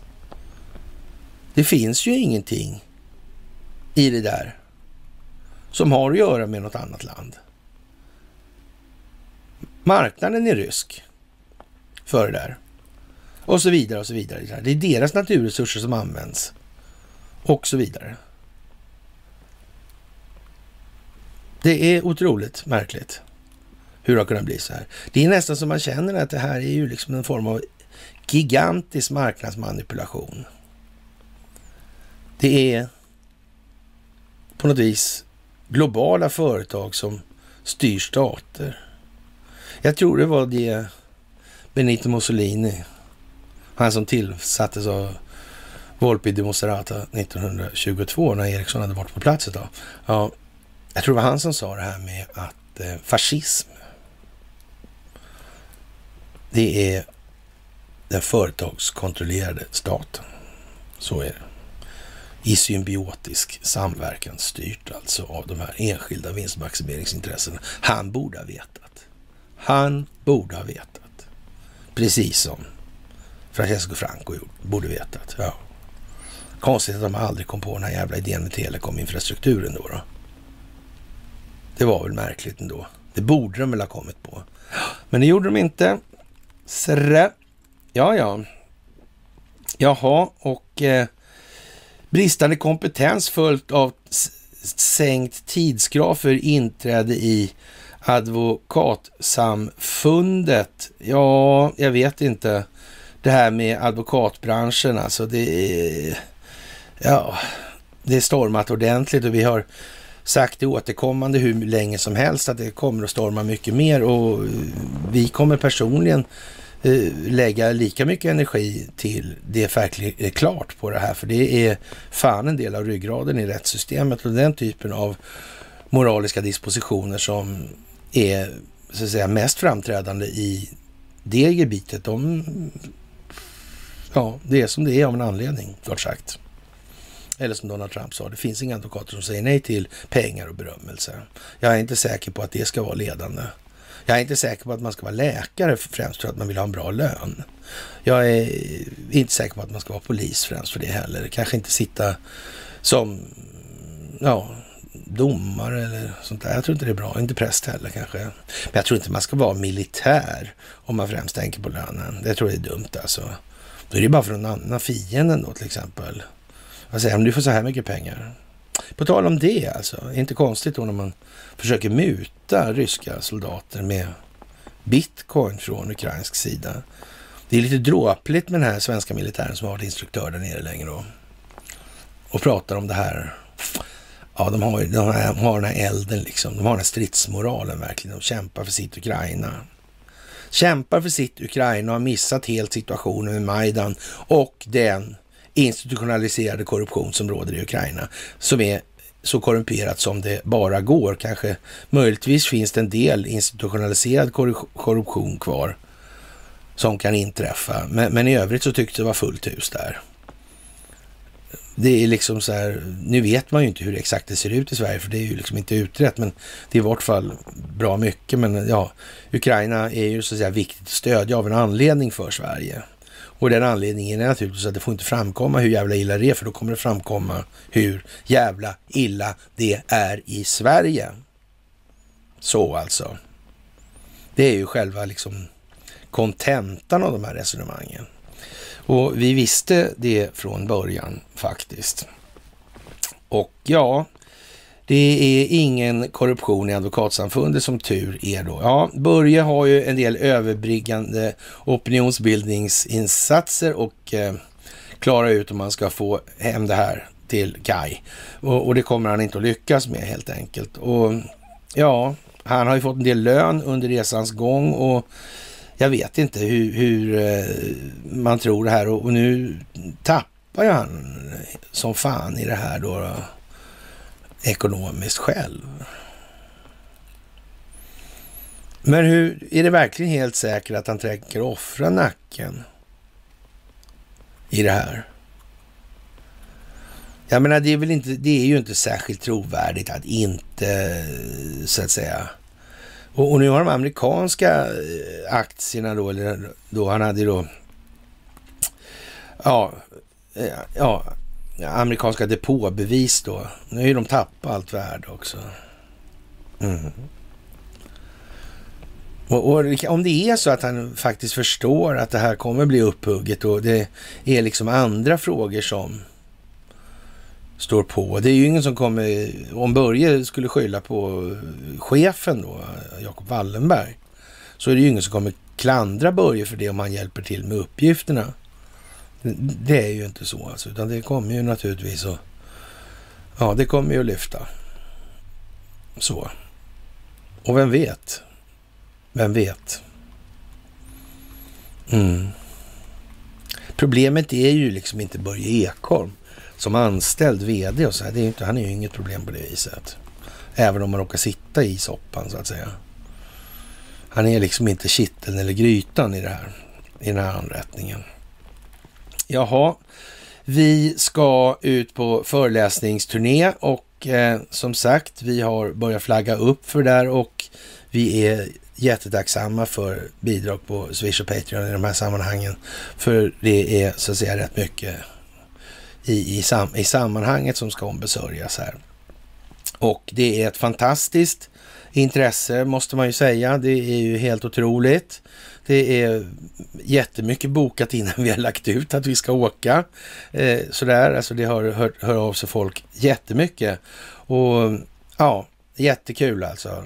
Jätteroligt verkligen, det måste jag säga. Det är trevligt att se och, och som sagt, det här går ju rätt bra får man väl säga. Nu jag försöker jag med falsk blygsamhet. Jag kanske skulle hoppa och tjoa lite istället, men det blir en applåd så i alla fall. Ja, det är fint som fan skulle jag säga. Och eh, ja, våldskaoset när tredje världens män tränger sig före ukrainska kvinnor och barn då. Och det börjar ju liksom män från Mellanöstern och Afrika utnyttjade cyniskt kriget i Ukraina för att ta sig in i EU tillsammans med strömmen av flyende ukrainska kvinnor och barn. Och ja, som sagt, hur kommer det här sig då? Mm, vem är det som behöver det här kaoset? Vem är det som initierar det? Vem instigerar i det här?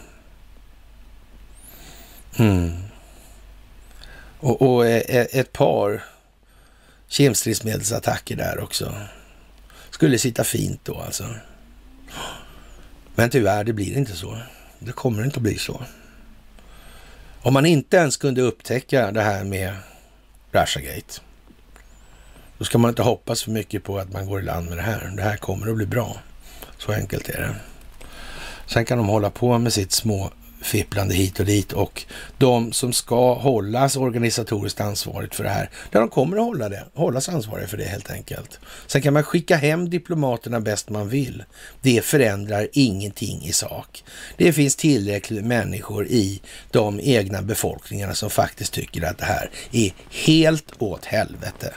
Jag kan säga att det finns fullt tillräckligt med norrmän i Norge för att kunna tala om vem som har gjort vad och när, var och när, eh, därför så att säga, varför.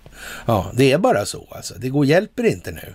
Det är för sent helt enkelt. Och eh, jaha, det är ju eh, lite speciellt. Nord Stream 2-ägarna begär konkurs då. Och det är lite speciellt ändå. Det verkar nästan som att eh, man kapar de här, och, och, Prim Preem och, och nej det var inte alls, det var Shell och BP. Det är små firmor alltså, utan någon speciell omsättning sådär. Alltså, men de sålde hela innehaven i Tyskland, eller i Ryssland. Då. Det, det kom förbi någon på gatan så kan jag köpa det där då? Eh, ja, och hålla upp plånboken liksom. Eller? Ja, hur gick det där till egentligen? Vem var det som köpte? Vet man det? Nej. Hur kommer det här sig? Ja, ja. Det är inte så på något vis att Ryssland kommer att komma över alla de här tillgångarna väldigt, väldigt billigt. Och att det har varit en del av själva planen. Liksom andra länder kommer att komma över en massa tillgångar som har tillhört och varit kontrollerade av djupa staten till ett väldigt, väldigt, väldigt förmånligt pris. Kan det vara så? Skulle kunna vara så. Det skulle kunna vara så, ja. Ja, man har hittat fler barngravar med hjälp av markradar och man undrar lite, ställer sig lite frågan hur kommer det sig att man inte har kommit på att man ska leta efter det här tidigare när man faktiskt har haft indikationer på massa olika saker. Hur kommer det där sig egentligen? Hur kommer det där sig? Är det kanske så att man inte vill ha upp den historia som faktiskt inte har beskrivits? Utan att man har beskrivit en historia som inte finns har det funnits i verkligheten? Skulle det kunna vara en anledning? Ja, vi lär bli varse om jag säger som så då. Helt enkelt. Jaha, och eh, det är en antal föreläsningar på eh, en kort tid nu som kommer och, och, som sagt alltid är det väl någonstans i mitten på Sverige som ni håller till och då cirkulerar vi lite grann där den, den här vändan. Då. Och eh, Reporten från skyddsrummet i Kiev, folk är väldigt rädda. Och nu får man nog säga att det här är SVT och nu får man nog säga att övertydligheten börjar bli väldigt pinsam i den artikeln där. Och rent ut sagt bara för jävla sorgligt att konstatera att befolkningen är så fördummad att det ska behövas där. Och, och jag är inte säker på att det inte är ett fönster till och med man ser uppe eh, lite ovanför hennes vänstra axel. Alltså Ja, och det här skra alltså det, det där skrattet som kommer där. Det, det där är liksom... Eh, nej. Nej, det är som det är nu det här och, och så. Och det kommer absolut att visa sig. Jaha, och vidare då så, ja, det här med vänster och höger, det är helt intellektuellt dött. Det här med då inflation, det är också helt dött. Och där får man nog säga att Joe Biden gör kanske det, ja, och den främsta insatsen är att förklara det här med inflationsbegreppet och så vidare. Och det, det är ju liksom viktigt att tänka på här nu. Och eh, ja, det är... EU är inte i så konflikt med eh, Ryssland säger då Josef Borrell och, och, har väl anat då att det här kommer att ta vägen dit det ska alltså. Och om de har vetat det länge eller om de har hållit på att de har vetat det, det whatever liksom. Nu är det som det är i den meningen. Ja, och eh, i USA raljerar man alltså med en ja, soppa, en tank soppa då som kostar 2500 dollar, alltså 25 000 spänn. Alltså, så kan väl vi smarta svenskar, eller vår smarta, smarta svenska befolkning närmast räkna med att få krypa på hörntänderna vad det lider. Ja, tänk vilken jävla drivmedelsinflation, drivmedelsprisinflation det blev. Och tänk om det nu börjar tillsöta prishöjningar då, skriver vi då lite elakt då, ovanpå det här Voine. Voine. Och det är ju lite sådär, alltså att fan inte det här med prishöjningar och inflation, att det måste förklaras så tydligt. Och det gör ju faktiskt Joe Biden på ett jävla fint sätt. Han kommer ju då att tycka att istället så, så måste ju producenterna sänka sina påslag alltså i det här. Sänka priserna helt enkelt. Då motverkar man ju inflationen. Enligt det resonemang som det här inflationsbegreppet bygger på idag. Och, och då raljerar ju då naturligtvis alla medier då och säger att han är en riktig jävla idiot fast han faktiskt säger det som ska sägas nu. För det gäller ju liksom att förklara vad det här är för någonting och varför det går så jävla trögt att få folk att fatta. Därför att de tror att ett regn i en blöt trottoar och inte begriper att en blöt trottoar är en möjlig konsekvens av regn. Det är liksom hela prylen. Och när Joe Biden gör ett pedagogiskt nummer av det här, ja då ser vi hur jävla korkad befolkningen är. Då, även de som är då vakna, då, eller vad man ska säga. De fattar ju inte det där. Då tycker Joe Biden är en idiot fast han säger exakt det som behöver sägas. Men de har inte förstått vad det här är för någonting och det är det som är ett jävla dilemma hela tiden.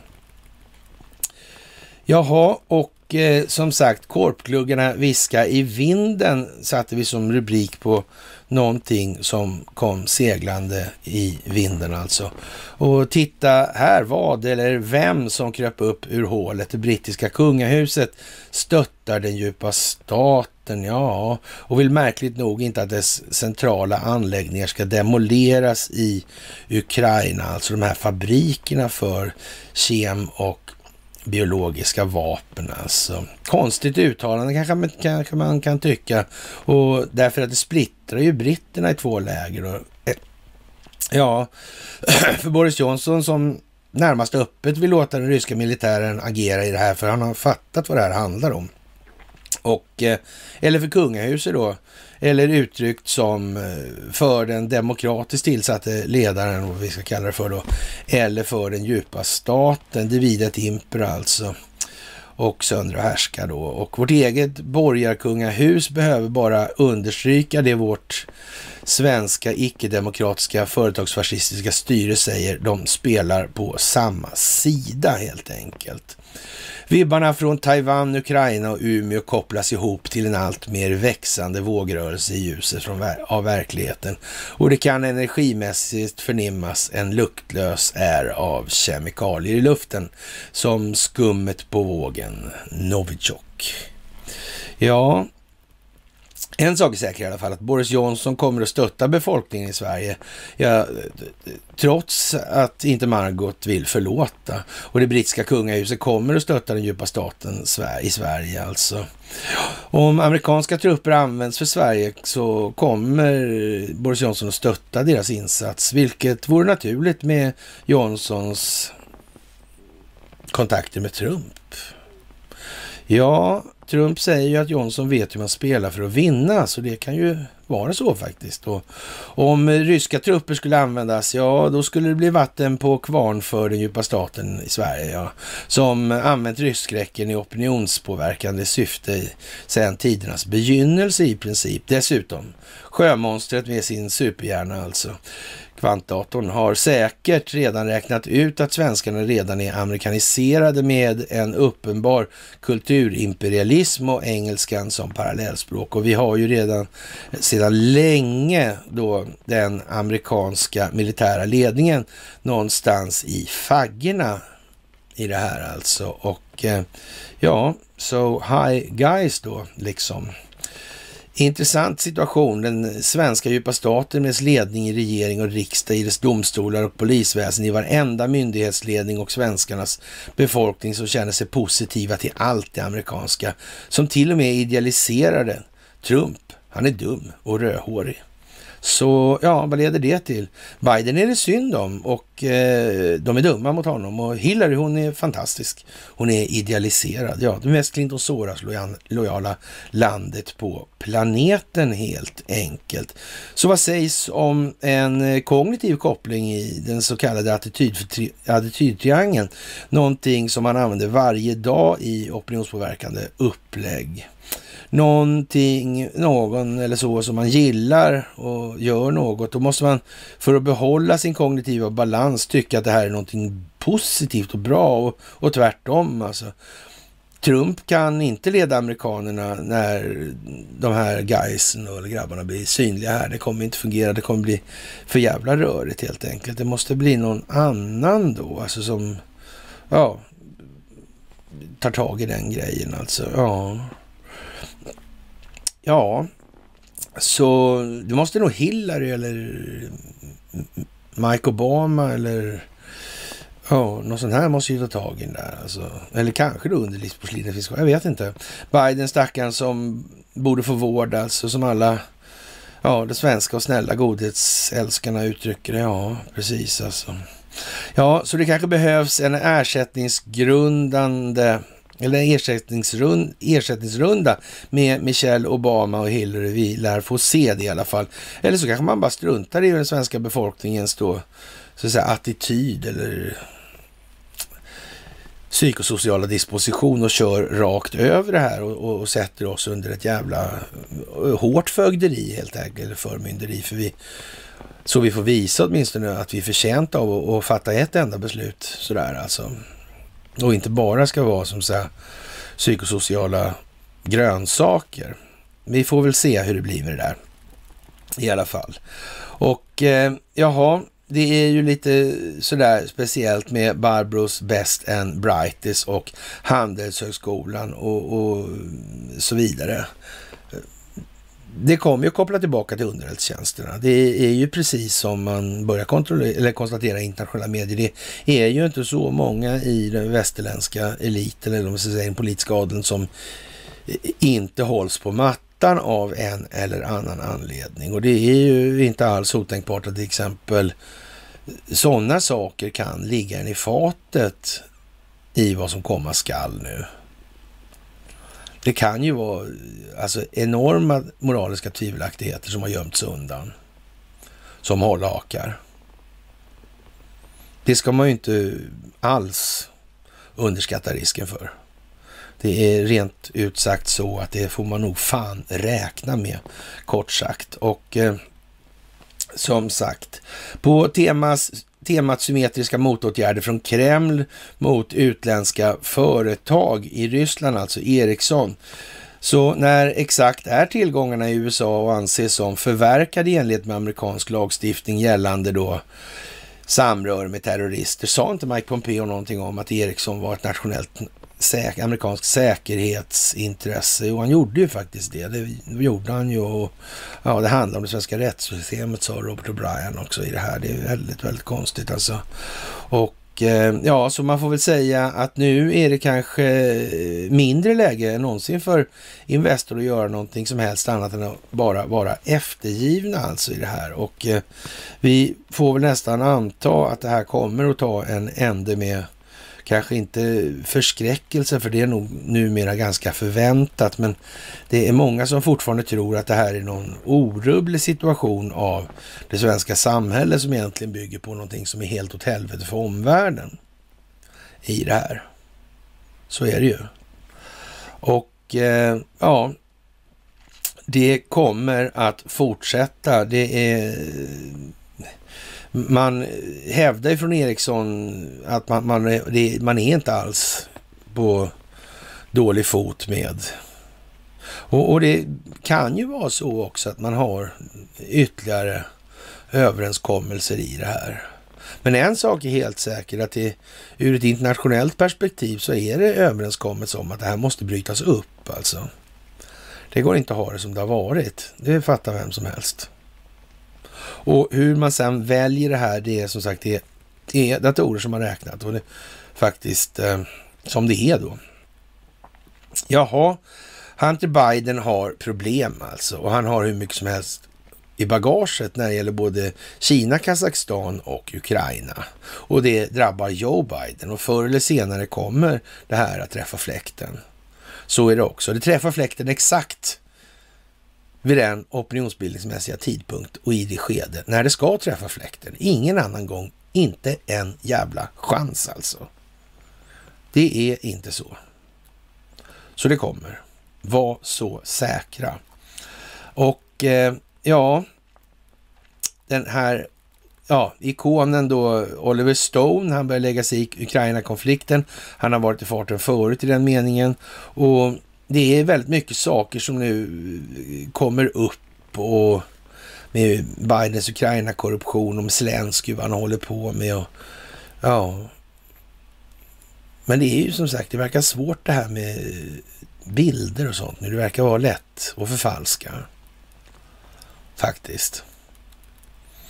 Mm, det ska man tänka på nu faktiskt. Det är NATO är ett större hot än Putin, skrev man för länge sedan och eh, man kanske inte skulle skrivit så överhuvudtaget när det gäller Åsa Linderborg. Man skulle kanske...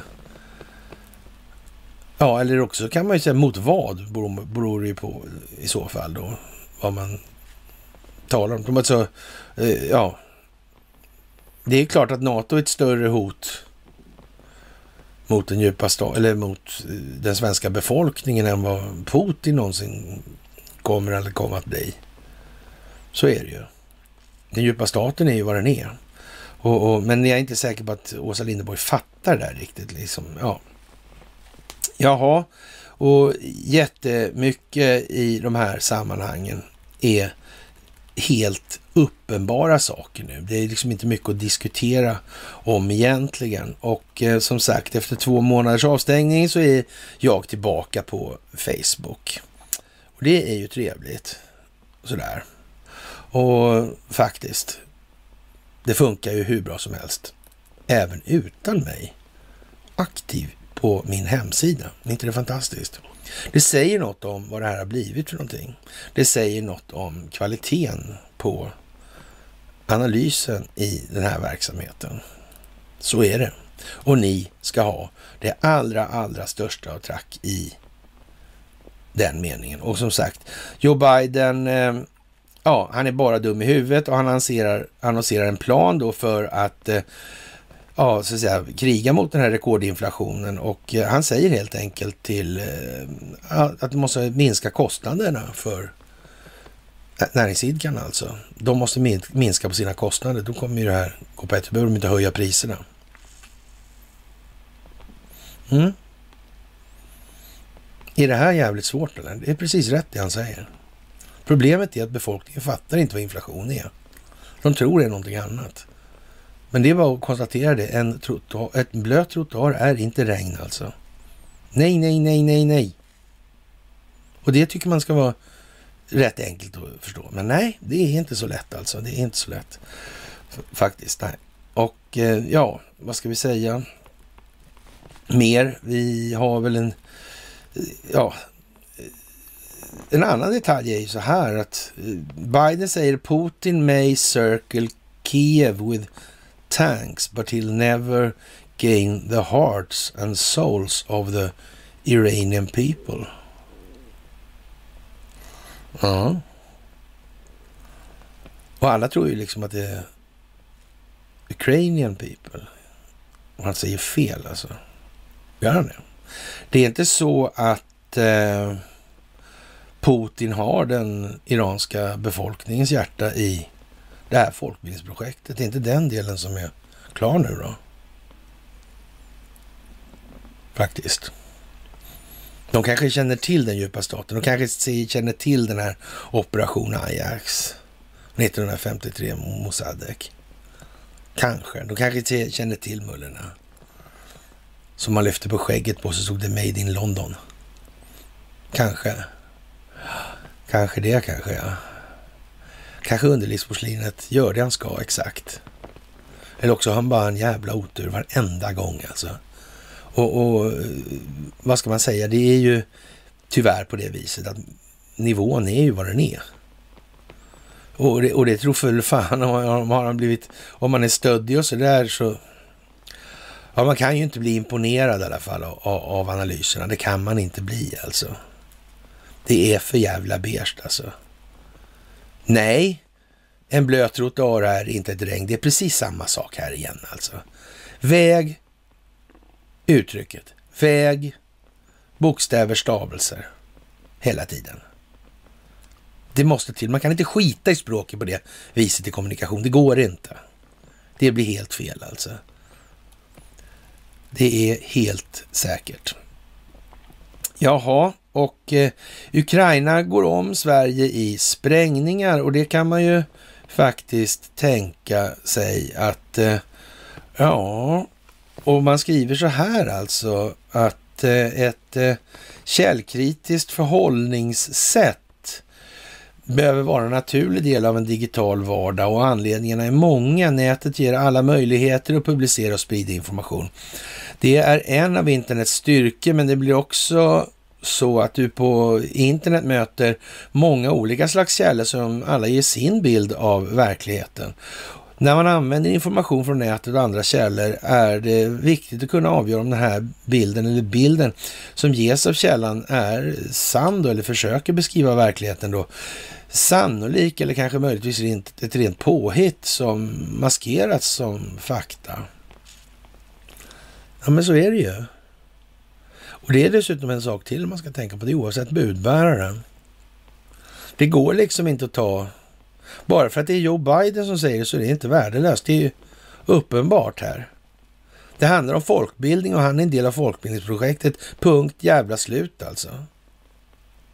Så är det bara. Och i kanske, om vi ska säga lite elakt, i 80% teatern så kommer den aldrig bli någonting annat än en dåre. Men eh, det är inte det det här folkbildningsprojektet främst syftar till att höja nivån på sisteman. Det är någonting som vi får ägna oss åt med tiden. Just nu är det att ledare ska skapa ledare. Ledning till upplysning till vidare ledning och upplysning. Det är det vi ska bedriva och det är det som krävs. Någonting måste gå före och då krävs det att man går före, inte står och knuffar efter.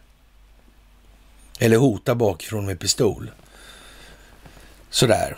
Ja, och som sagt, det sprängs mer i då Ukraina och det kanske man ska reflektera lite över i det sammanhanget. Och eh, ja, lite speciellt kanske faktiskt.